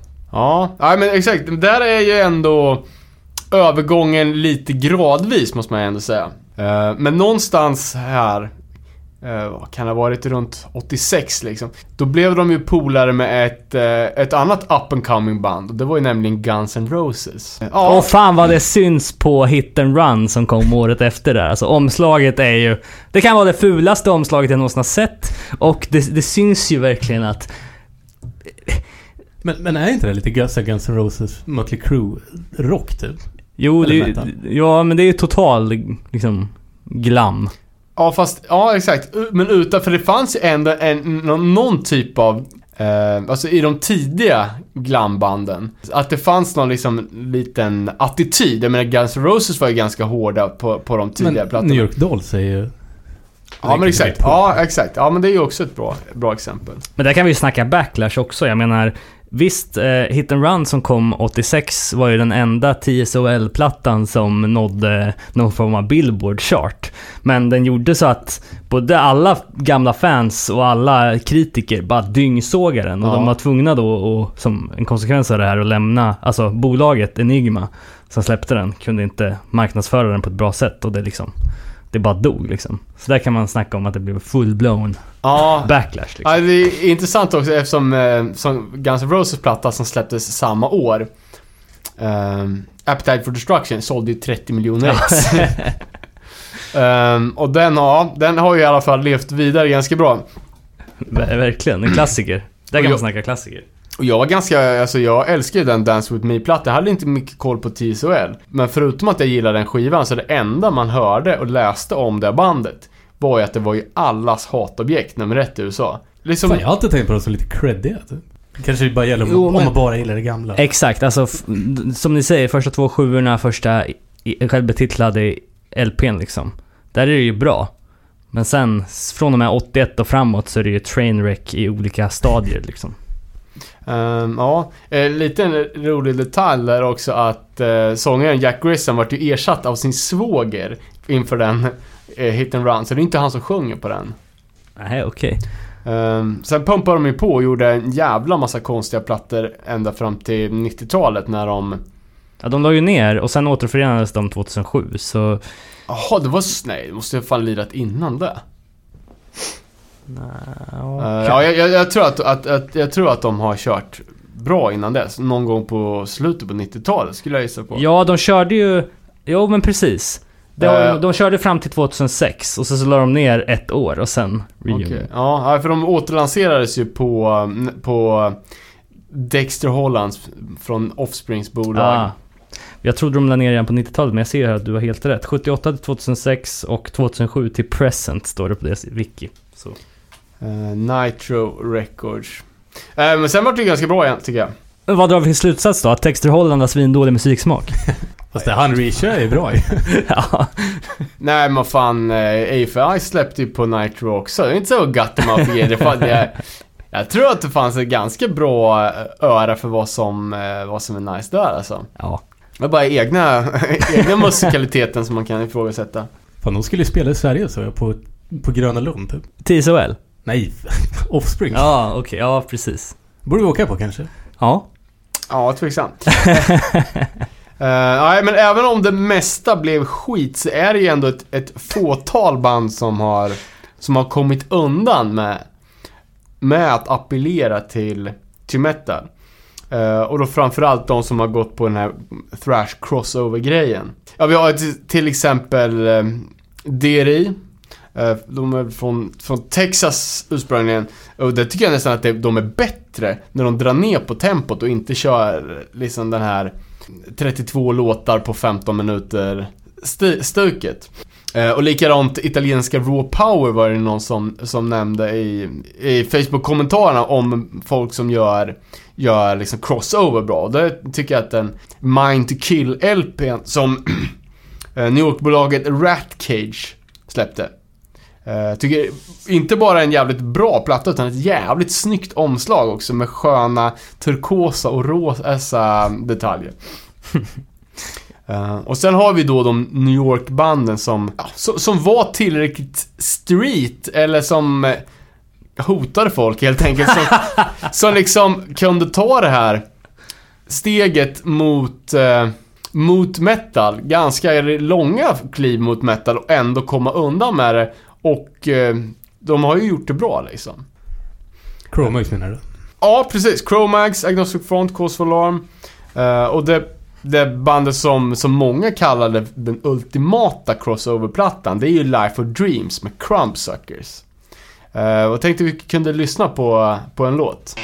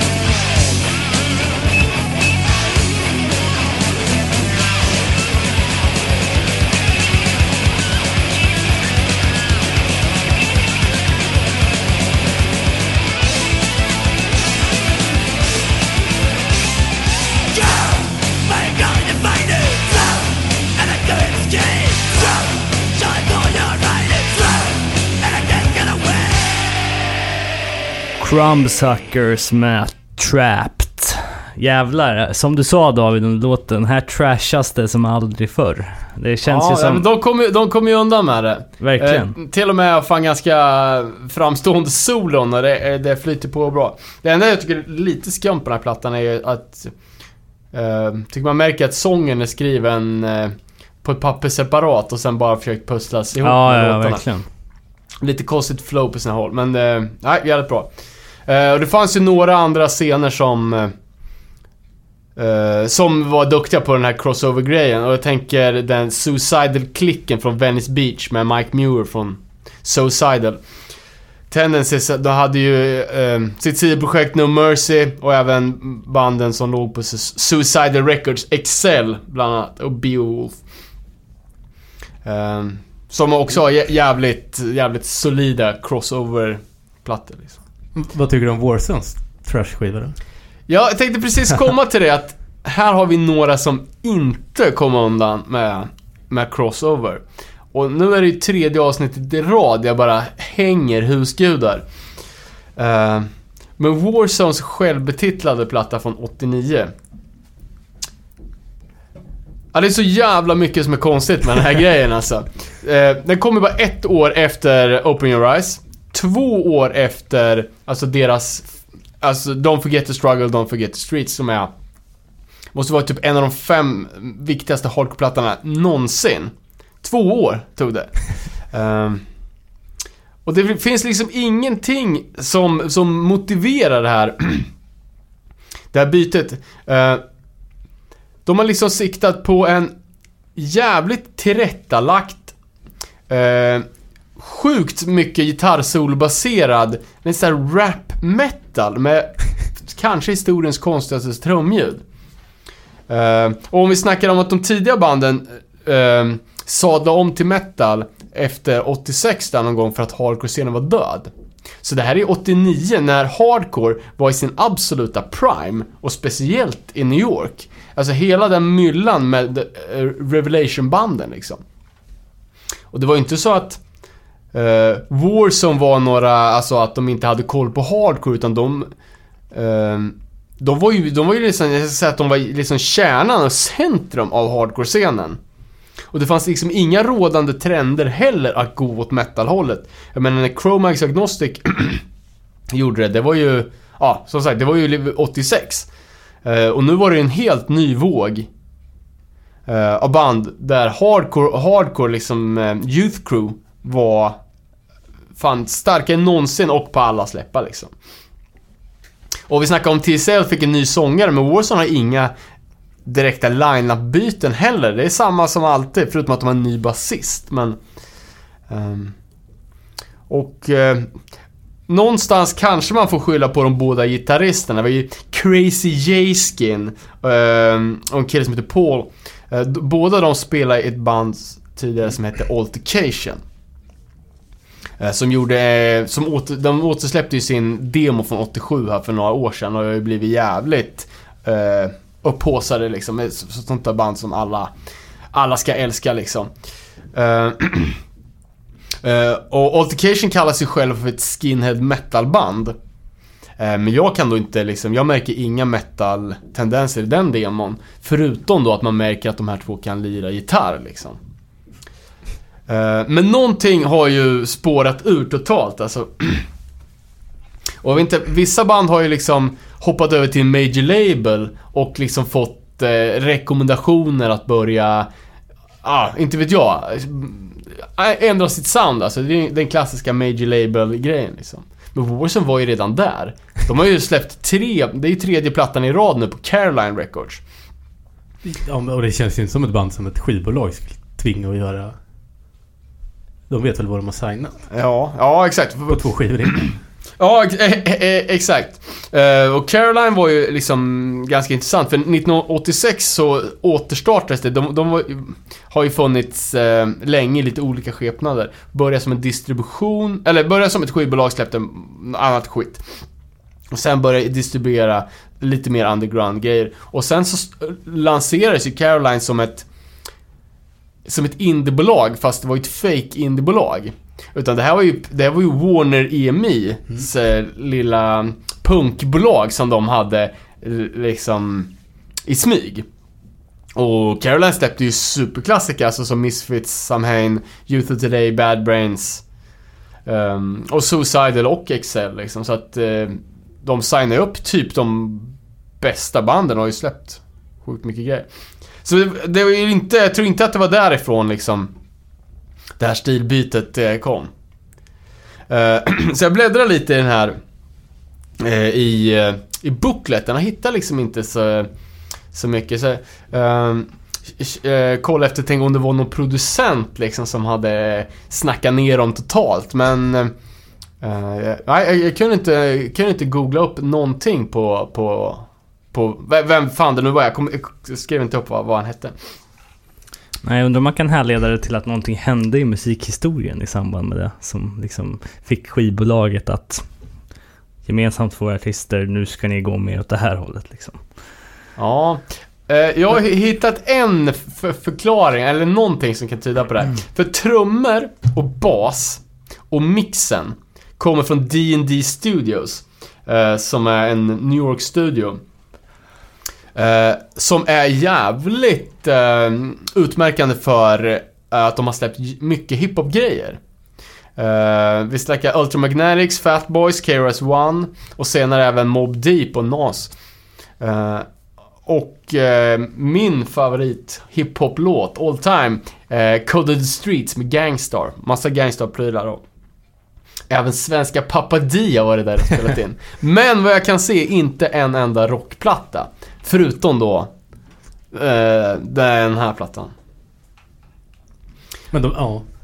De har ju ändå gjort de här låtarna själva. Ja, men alltså låtarna i sig, alltså, vissa låtar har ju använts eh, för, efteråt och vissa låtar är, är gamla låtar som har gjorts om. Typ Judgment Day och, och lite sådär. Eh, men det som är det allra skevaste med den här plattan, det är ju trumljudet. Så jävla speciellt trum, trumljud. Eh, det är liksom så, det, virveln är ju som ett jävla pistolskott. Eh, och den är sjukt gäll och reverbig. Eh, så jag tänkte liksom att eh, jag, måste, jag måste liksom uh, försöka koppla samman det här för att det här måste ju vara ett, ett hip... Om man fattar ju att det är ju ett... Det är mer ett hiphop-trumljud än vad det är... Uh, än vad det är hardcore eller metal. Eller någonting annat liksom. Det är liksom den här boom-bappen fast... Ja, väldigt speciellt. Så jag lyssnar igenom så här. Eh, ja men typ YouTube-playlists med typ så här 100 viktiga hiphop-låtar man fick höra 10 sekunder. Och så bara satt jag och lyssnade på trumljud bara, nej inte den, inte den. För alla har ju så här runda och fina, jävligt höga markerade virvlar. men ändå så här runt, fint ljud. Eh, och sen liksom att hi-haten är ju totalt urplockad. eh, så att... Uh, ja, det är jävligt konstigt.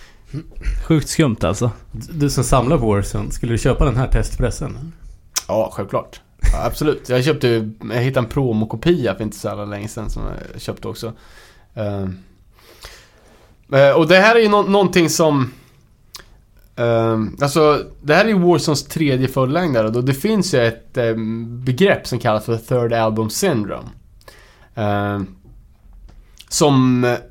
Ja men som, ty, som eh, dyker upp då och då. Nu kommer jag inte på några, några bra exempel men det har... Det har eh, ja, det, det, det är liksom en, en grej. När, när bandet har gjort en, eh, en bra platta, kommit igång, kommit någonstans, gjort en uppföljare och sen blir liksom ställda att nu måste vi gå vidare. Nu kan vi Just inte det, upprepa oss. Eh, Men det är så- något som också är jävligt eh, kul med den här plattan är ju att det här är ju historiens bästa mörkning av, en, av ett album. Ehm, ja, som jag säger i princip varenda avsnitt är ju Warzone mitt eh, absoluta all time favoritband. Eh, och jag hade ju lyssnat på, på Warzone mm, Alltså dagligen i minst 10 år innan jag ens visste att den här skivan fanns. Uh, och det var ju liksom, uh, uh, pre-internet liksom. Eh, så då hade man ju inte så, så mycket koll. Men allting som, alla diskografier är, är ju den här utraderad. Då är det liksom Open Your Eyes och sen när de börjar släppa plattor på 90-talet på Victory Records. Ah, ja.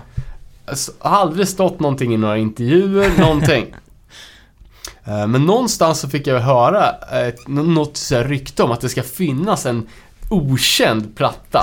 Den förbjudna Warzone-plattan. Eh, och jag liksom hörde ryktet och, och ja, var osäker på om det var sanning eller om det var bara ett, bara ett rykte. eh, I många år. Och sen en dag så bara stod jag och bläddrade en skivback och så hittade jag bara, ah, fan vad, vad udda att det finns ett metalband som heter Warzone. Eh, en platta med så här typ kromade bokstäver med coola skotthål i. Och så bara vände jag på skivan och så bara, oh, fan det är den här. Det är Warzone, fan vad sjukt.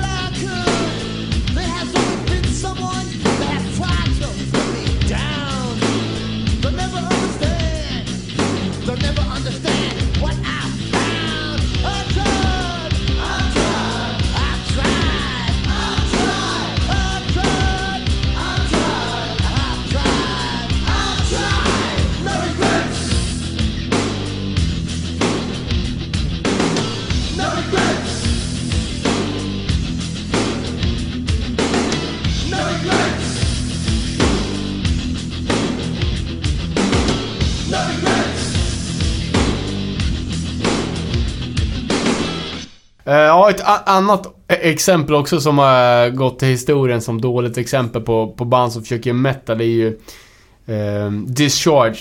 Grave New World. eh, och här har, här har det ju gått fyra år sedan, sedan deras bästa platta, den Hear Nothing, See Nothing. Ehm, och en, också en eh, smärtsam tredje platta. Eh, och den föranleddes ju lite av några så här illavarslande sjuor. Eh, och då är det ju speciellt bandfotona där liksom den här pudel... Eh, frillan, eller har liksom satt Det är obegripligt letat sig in, så att säga. Ja. Men vi har ju samma sångare, Cal, som har sjungit på de, de senaste... Ja, sen 77 liksom. Eh, men nu då helt plötsligt antagit en helt absurd King Diamond pitch på sången. Eh, och eh, plattan är fortfarande släppt på egna Clay Records, men i USA så släpps den på Profile Rock Hotel. Som även har släppt Chromax, Age of Coral.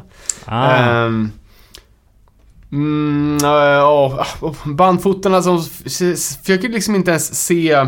Ja, det finns ju ingen antydan till punk, utan här ska de snarare se s- snygga och djupsmarta ut. Ehm, och det här verkar ju vara något som, som har slagit liksom ehm, över hela liksom det krustspektrat också. Om man tänker eh, den brittiska motsvarigheten till hardcore liksom. Det som blev fortsättningen i England var, vart ju Oi eller det UK82 eh, soundet. Eh, och eh, det var ju ett, eh, ett bolag, ett engelskt bolag som hette Heavy Metal Records. Där många av de här klassiska banden New de- Wave of British Heavy Metal pratar vi om nu eller? Nej, New Wave of British Heavy Metal var ju tidigare tror jag. Ja, okej. Eh, men skivbolaget hette Heavy Metal bara.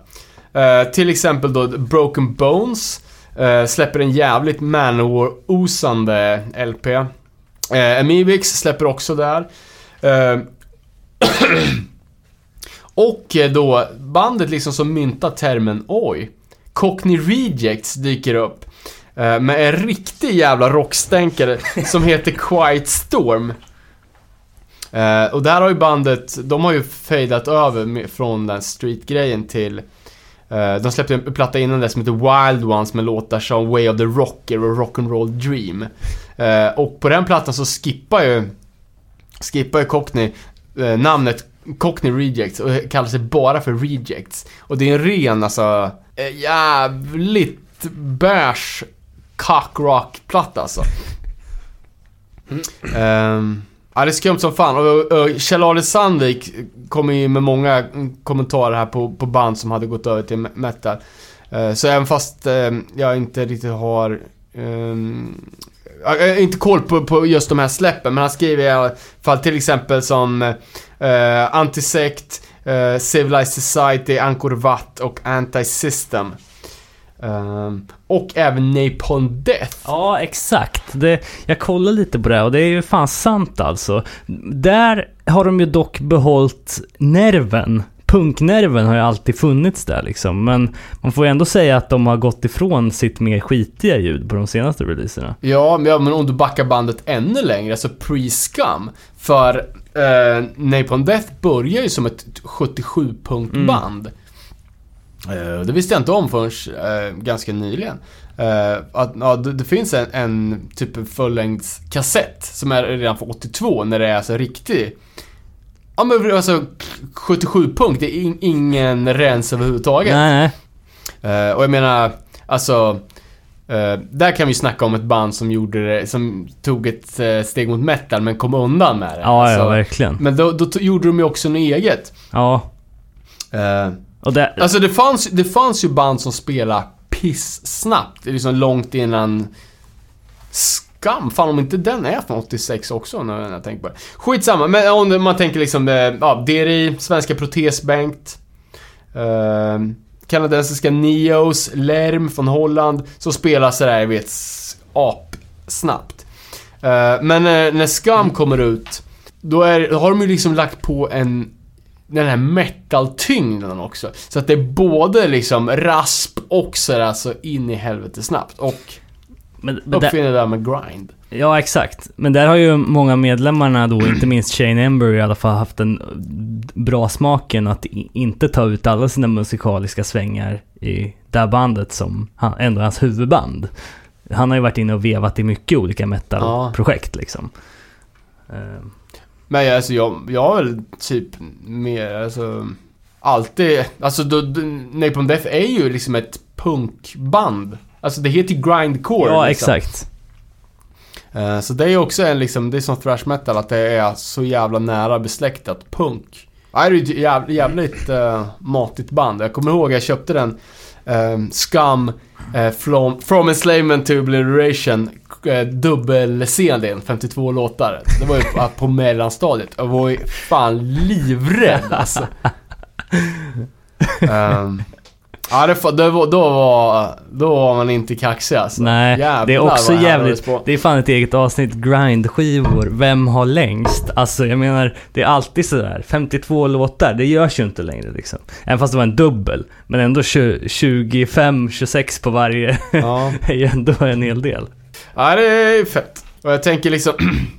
jag orkar bara inte kolla upp några bra svenska exempel. Eh, Men om man tänker liksom bara så i- från Strebers-skivorna. Kolla de plattorna som är därifrån. Liksom... eh, Ja men när... eh, Ja men där efter 86, glamrocks-eran. Kolla på... Kolla på Strebers liksom. De har ju så högklackat, kaptensmössa och hårsprayshår. Eh, så det måste ju liksom ha varit att det, det, det allmänna 80-talsmodet spillde över så jävla mycket. Så att även punksen hade ju sånt fluffhår liksom. Ja, exakt. Det tänker man inte, men det är lite så... Det är ju lite så oavsett vilken tid man tittar. Jag menar, kolla på... Eh, kolla på skatemodet på 90-talet. Där hade du både i de poppigaste och i de hårdaste så var, var det baggy jeans liksom. Nu, kolla, det är, det är flanell i allt ifrån liksom... Ja, ja men så, så är det. Liksom, eh, Expire var ju... Innan de blev synonymer med våldtäkt så var ju de liksom så här, eh, omslagsbandet för eh, eh, så här, fade på sidan och snedbena liksom. Den frisyren som är typ så här den allra populäraste bland, Exakt. bland män liksom. Så att eh, det är klart att folk, eh, folk influeras av allmänt mode. Det är bara att den 80-talsstilen är ju så jävla ful. Ja, den är Ja, det ska bli kul att se just när den delen av 80-talet kommer tillbaka med håret alltså. Men vad fan, har det någonsin varit coolt med... Eller det har det ju. Men eh, när har det varit coolt med metal i hardcore då? Det måste ju vara eh, när Throwdown gick över från att spela hardcore till metal. Inte för att... Var det coolt då menar du? Det var då det vart ocoolt? Nej, vadå? Jag kommer fan inte ihåg. Men ja, men jag... jag ja, exakt, för när... Jag menar, om, tycker du att Vendetta är en dålig platta? Är det det du står och säger? Jag vet fan om jag har hört den, men jag utgår från att den är genomrutten. Nej, jag tycker inte att den är så dålig. Vad fan, men det är ju där man brukar säga i alla fall att... Eh, I alla fall Throwdown tog steget från hardcore till metal. Om det var där du tänkte komma in på. Jag vet inte om du hade några andra exempel? Nej, men eh, det kan nog stämma. Jag, jag har bara lite allmänna funderingar. Eh, Det är väl skitcoolt nu i och med att eh, det är okej för, för, ja, alltså hela den här 2010 och framåt crossover metal-grejen Ja. har ju bara hängt kvar liksom. Nej men ja exakt, de senaste åren så är det första, första gången som det har varit ehm, coolt med långt hår. Ja, Alltså fan, det var från, jag kan säga från 90, ja fan så länge jag var inne på hardcore i alla fall, fram tills nyss. Så har det ju varit 100% tabu med långt hår. Det har du fan rätt i. Ja. jag gillar att du täcker in ett, ett åttaårsspann i ordet nyss. Om man säger att nyss börjar från 2010 tills nu då. Ja, men, ja, ja, ja, ja, ja, men, ja, ja. Fan, tiden går ju fort liksom. Ja, ja, absolut. Nej men jag håller med dig, så är det ju. Men, eh, Visste ni att jag försökte spara ut till långt hår? vad hände? Jag klarar mig typ... eh, Ja, jag börjar på nyårsafton och klarar mig till januari, slutet på januari. Sen var jag tvungen att klippa. Eh, nej men vad fan alltså, det är väl det tydligaste exemplet jag kan komma på i alla fall av ett band som går från att spela tung hardcore till att spela metal, metalcore liksom och ändå behålla någon slags värdighet. Kanske inte hela vägen. jag ser att du, men i alla fall med första släppet, Vendetta, som inte var jättedålig. Men sen, eh, visst, Venom and Tears och Deathless och sådär. Ja, men det vart, ju- vart det inte bara så här 100% Pantera? Jo, exakt. Ja, Och det är också så jävla skumt för att det finns ju redan, alltså, det måste finnas tusen band runt om som försöker kopiera Pantera. absolut. Så varför blir det tusen första bandet göra den grejen? För de hade ju ändå fan bra, alltså det är ju också det, det som vi sa inledningsvis att det är lättare för de stora framgångsrika banden att haka på det här tror jag. Mm. Om man bara harvar på på demonivå och ingen jävel bryr sig, då får man ju... Då kan man ju köra vad fan som helst. Jo, Men, men undrar om inte Throwdown blev, är rätt stora nu? Ja, jo. Alltså mainstream stora. Jämfört med att sälja... 2000 Ja, CDs typ. på Alran. Ja, exakt. Ja, exakt. Så för deras karriär så har det gynnat dem, säkerligen. Men jag menar, det är inte så att man skulle gå och se dem direkt om man inte visste att de skulle köra You Don't Have To Be Blood To Be Family back-to-back liksom. Nej, fan när, när Throwdown spelar på... På Full Force där, när, fan, när det kan vara 2001 eller 2002. Då öppnar ju de festivalen. Och vi var ju såhär bara, fan hur ska det här gå till? Det var typ kilometerlånga köer in på festivalområdet. Man ska checka in sig. Och visste att det här är första bandet som kommer gå på om, ah, inte vet jag. Eh, och det var ju typ därför man hade åkt dit också. När de var i sin riktiga jävla prime. Nej men jag menar, det finns ju, både- det finns ju bra exempel på att elevera sitt sound utan att gå helt ifrån sin musikstil liksom. Jag menar, visst att man blir bättre musiker av att harva på mer och mer år och då vill utveckla sitt sound. Men man behöver ju faktiskt inte börja spela metal utan man kan göra som Ignite och fixa en bättre produktion istället. Och ja, behålla fan, samma det finns stil. väl ganska liksom. mycket man kan utveckla. Jag menar, vad fan... Man behöver inte börja soloa och... Nej, men kolla på Band Brains. De har ju sjukt eh, hög nivå på, si, på sina tidiga låtar liksom. Men där hade du ju dock ett jävla experimentellt sound redan från början. Ja, Så att där- där har du inte samma- Menar, man, det går ju att spela punk och fortfarande kunna spela musik liksom. Man Jo. behöver inte... Men det jag menar är att tröskeln för ett Bad Brains-fan att ta till sig någonting som inte låter som där man är van vid är ju så jävla låg i jämförelse med att om ja, Ignite skulle börja spela dansband liksom. Ja men, du fattar vad jag menar? Nej. Okej. Men det är ju mycket som är... Du vet, det är inte så stor skillnad. Men ändå tycker man att... Hatebreed till exempel. Den första är ju pissbra. Andra är ju fan helt okej också. Sen tycker man att det är skit. Fast det låter typ likadant. ja, men det är en attitydfråga tycker jag. Ja, exakt. Det är där det är. Eh, och jag har ändå tyckt att det var ganska bra på skiva också. Men eh, det var ju, jag tror att sist jag såg dem live liksom. Eh, jag missade ju tyvärr dem. De, när de spelade här i Sverige senast, bland annat i, i Örebro där. Eh, för då var det ju så, alltså hela liveshowen var ju... Eh, från att vara det, det bästa man har sett live. Typ det blir något så jävla hej hej. Eh, bandit rock. bro- Bro. Bro, bro. Ja, jag vet inte fan, så jävla fattigt alltså. Ja men, ja, men där är ju en attityd. Och liten musikändring kanske, men... Men sen vet man också att om eh, hardcore bokare, hardcore, om Hatebreed är bokare för ett hardcore-gig, då kan de ju bara, eh, bara spela så live. Och vara igen världens bästa hardcore-band liksom. Men att de väljer att eh, bara eh, göra sig själva dåliga och broa till det lite.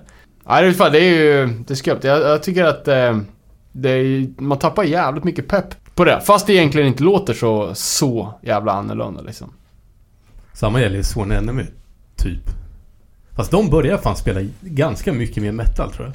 Ja, men exakt. Men då försvann ju intresset också. Ja, ja skojar du eller? Nej, men ja exakt. Men det var ju också, de var ute i, i turnésvängen. Eh, men de fick ju istället kicken från Major Label och sen började de spela, uh, började de spela metal. En lite uh, ovanlig twist på den.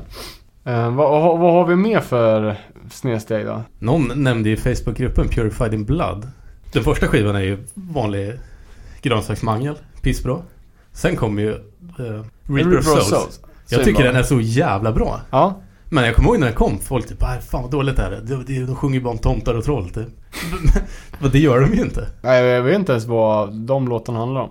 Men Det, det, var ju... är, det är samma veganism och jorden dör grejer. Lite omskrivet kanske, men det är ju fan pissbra. Men de, därefter har de gjort två skivor som är noll intressant. Ja, det måste ligga något i det som jag inte har bemödat mig att lyssna på dem. Och de, det är ju ett jävligt bra band alltså. Eh, Men det var ju också, det var ju typ första gången i min livstid som det var coolt med metal i hardcore. När de eh, kom in på scenen och började spela i Sverige liksom och... eh, eh, Det var väl... kan Jeansvästar med patches. typ. Ja men typ, ja men de och Maroon som var liksom ett av de, de banden som var, var mest hypade. I alla fall eh, här kring. Eh, och båda de var ju duktigt jävla metal liksom. Eh, ja men med jeansvästar och liksom, de hade ju inte hardcore-tröjor, de hade ju mm, så här klassiska heavy metal t liksom. Och då typ, ah fan det är det här alltså, nu ska man vara jävligt metal liksom. um, och båda de banden gick ju till att bli också jävligt mycket mer metal. Och försvann lite ur, ur periferin liksom. Vi fick ju rätt mycket inskickat också. Um ett av de banden som återkom när våra lyssnare fick eh, säga vilka band som de tänkte på gällande det här ämnet så var det ju No Warning som dök upp. Ehm, vad har vi att säga om dem? De tog en chansning och gick den jävligt farliga nu metal-vägen. Ja, Men, där måste man ändå säga att det är ju... eh, Jag tycker att det är ett solklart fall av att tänka med plånboken. Ja, ja, exakt. Nästan så utstuderat. Det här vi ska bli Linkin Park. typ. Ja. Ja men precis, för att eh, det har ju pratat om tusentals gånger känns det som. Men att det fanns jävligt mycket framgångsrika, var det de där Simple Plan, Sum 41, ja. banden som de, eh, som de kände att de kunde bli. Och så fick de chansen att signa, de signade på Machine Shop som var Mike Shinodas bolag från, Linkin Park. från Linkin Park. Ja. Eh, och sen bara, nej men vi testar det här. Det, kommer, det har ju gått för alla andra. Eh, Men tycker ni att den är bra skivan? Ja, det säger vi väl varje gång att den är bra för att man inte gillar det. nej, exakt. Den Bad Timing är en jävla hit egentligen. Alltså. Kanske också. Ja, men jag tycker, fan, ja, nej, jag tycker det, det är bra. Sen återkommer ju många, skriver Chromags, Throwdown, Hatebreed. Men Leeway vet jag inte. Jag har inte lyssnat så mycket på dem. Vad... Ja, precis. Men det är ju också... Har inte de alltid spelat trash? Ja, men precis. De har ju alltid haft den grejen. Så det är inte så mycket som att de har hakat på. Uh, hakat på någonting. Vad har vi mer? Ja, men en, ett kul exempel också är 7 Seconds. Eh, som 1986 blev drastiskt mycket sämre med The New Wind. Eh, men den, den kompletta genomklappningen kom ju 87 med en 12 eh, som heter Praise. Och där valde de ju att istället för att gå mot eh, ja, med hårdare metal, hårdrock, så gick de ju mot den kanske inte helt lika genren AOR, Adult Oriented Rock. Ehm, och sen sög de ju också igenom sig ett par, tre plattor där på, på 90-talet. För att sedan komma tillbaka bra igen. Ehm, men det är också jävligt märkligt alltså. Sen så, eh, du pratar ju om, inte några svenska exempel, men det var ju någon som skrev Nine som ett eh, exempel på ett svenskt band som har gjort det här. Ja men precis, för de var till Death and Roll. Ja, exakt. De spelat förband till Entomb den kväll och sen Ja. bara fan det är så här vi ska låta. Precis. Ehm, Jag vet inte om de själva titulerar det som sludge, men... jag tror inte det fanns, jag tror inte det begreppet var är det den myntat sista Nine-skivan? Den med någon... Det som är röd. då. Ja, den som Jacob Bannon har gjort Ja, ja, exakt. Mm. Ja, den har man ju aldrig lyssnat på. Jag tycker fan den är ganska bra. Eller gjorde de inte Lights Out, den är den ifrån? Den är ju tidigare tror jag. Och sen Misanthrope hade, Kissed by the Misanthrope hade de. Nej, jag, jag lyssnade aldrig på den. To the bottom, sen slutade jag. Ja. Aldrig eh, varit mitt band alltså. Ehm, men det är också, återigen, band som var, var ute och spelade jävligt mycket. Och släppte på jävligt stora bolag för att vara... Från Linköping. Eller turnera Nine mycket, det var en ren gissning. Det vet jag i för sig inte. Det känns som att de borde ha gjort det. Säkert. Ja. Och, och sen, ja, Black Flag har vi ju redan diskuterat i ett helt, eh, ett helt avsnitt också. Det har varit liksom fan... fr- Från 81 så gick det bara Utför. bara utför med ganska rask hastighet. Även om den här jävla brasklappen alltid ska slängas in. Att det, vissa grejer är ganska nice ändå. Ja men fett. Fast sen har jag ett annat ganska eh, kul exempel också. Eh, Circle Jerks. Som precis som eh, så många andra av de äldre banden eh, börjar köra mer åt metal. De och Gang Green var ju typ, alltså jag kan inte skilja de två banden åt på de sena grejerna. För att det är den här jävla skate, arena, rock, värtramp på scen show liksom. Eh, men de kom ju liksom lite undan med det för att de gjorde liksom nästan parodi på metal genom att spela metal. Eh, det väl på den här Wonderful LPn. eh, när de har de här, du vet American Heavy Metal Weekend. Där de typ gör, gör narr av typ Twisted Sister, W.A.S.P. Men bara, du vet ju själv att du spelar ju hårdrock just nu. Ja, exakt. Och det läste jag i, i den här eh, Keith Morris-biografin också. Eh, att det fanns ett, ett eh, parodi-hårdrocksband i deras kompisgäng som hette Megadeth. Fast med korrekt stavning. som tydligen var, ah, de tyckte de var jävligt bra. Så de tog bara massa de, de Megadeth-låtar. Eh, och satte sitt eget namn på dem. Så de snodde ju massa, ja. Det var ju förra avsnittet när vi snackade om om att Circle Jerks hade snott ihop hela sin LP liksom att eh, här var ännu ett band som som de också bara typ plockade hela låtar. Eh, Making the Bomb till exempel. Det var ju många av de bästa låtarna från den plattan som man sen bara... För det stod inte ens krediterat att det skulle vara någon Megadeth utan... Nej, okej. Och det har ju också eh, eh, Jelly Biafras eh, sidoprojekt Lard har ju också en, en eh, vad fan är det för format på den då? Kanske en, en 12 Jag har den som på CD. Eh, den heter ju 70s Rock Must Die. Och det är en hatlåt om 70-tals eh, cockrock. Eh, såklart då spelat som, som ja, men riktig stövel jeansrock liksom. Stöveljeansrock. Ja men du vet såhär jeans som sitter lite för tight i grenen rock liksom. Pappa Rock typ. Eh, ja men e- exakt. Men det är också så här, du vet. Eh, för jag tror Yellow Biafra har sagt det också att han älskar sån musik. Men han hatar, han hatar vad det är men han gillar rocken liksom. Eh, och Henry Rollins har ju skrivit, snackat också asmycket om om att han har legat och gråtit på gymmet till Phil Lenneth. Och Thin Lizzy-grejer liksom. Phil Lynott. Ehm, uh, med att han hatar så här, rock liksom, men han älskar det. Eh, och det kanske man kan knyta ihop det här med att fan, jag är ju, fan jag kommer från rock, det är ju du, eller från metal, det är ju du också Robin. Att vi fortfarande liksom diggar metal. Så är det ju. Eh, och alltså vad fan, många av mina favoritband har ju alltid varit de banden som har varit influerade av, av metal också. Men det är ju nå, alltså det är den här jävla balansgången mellan bra och dåligt liksom. Att det Mm. är fan eh, en fot i diket och du är bränd liksom. Bra avslutning på det ämnet, tycker jag.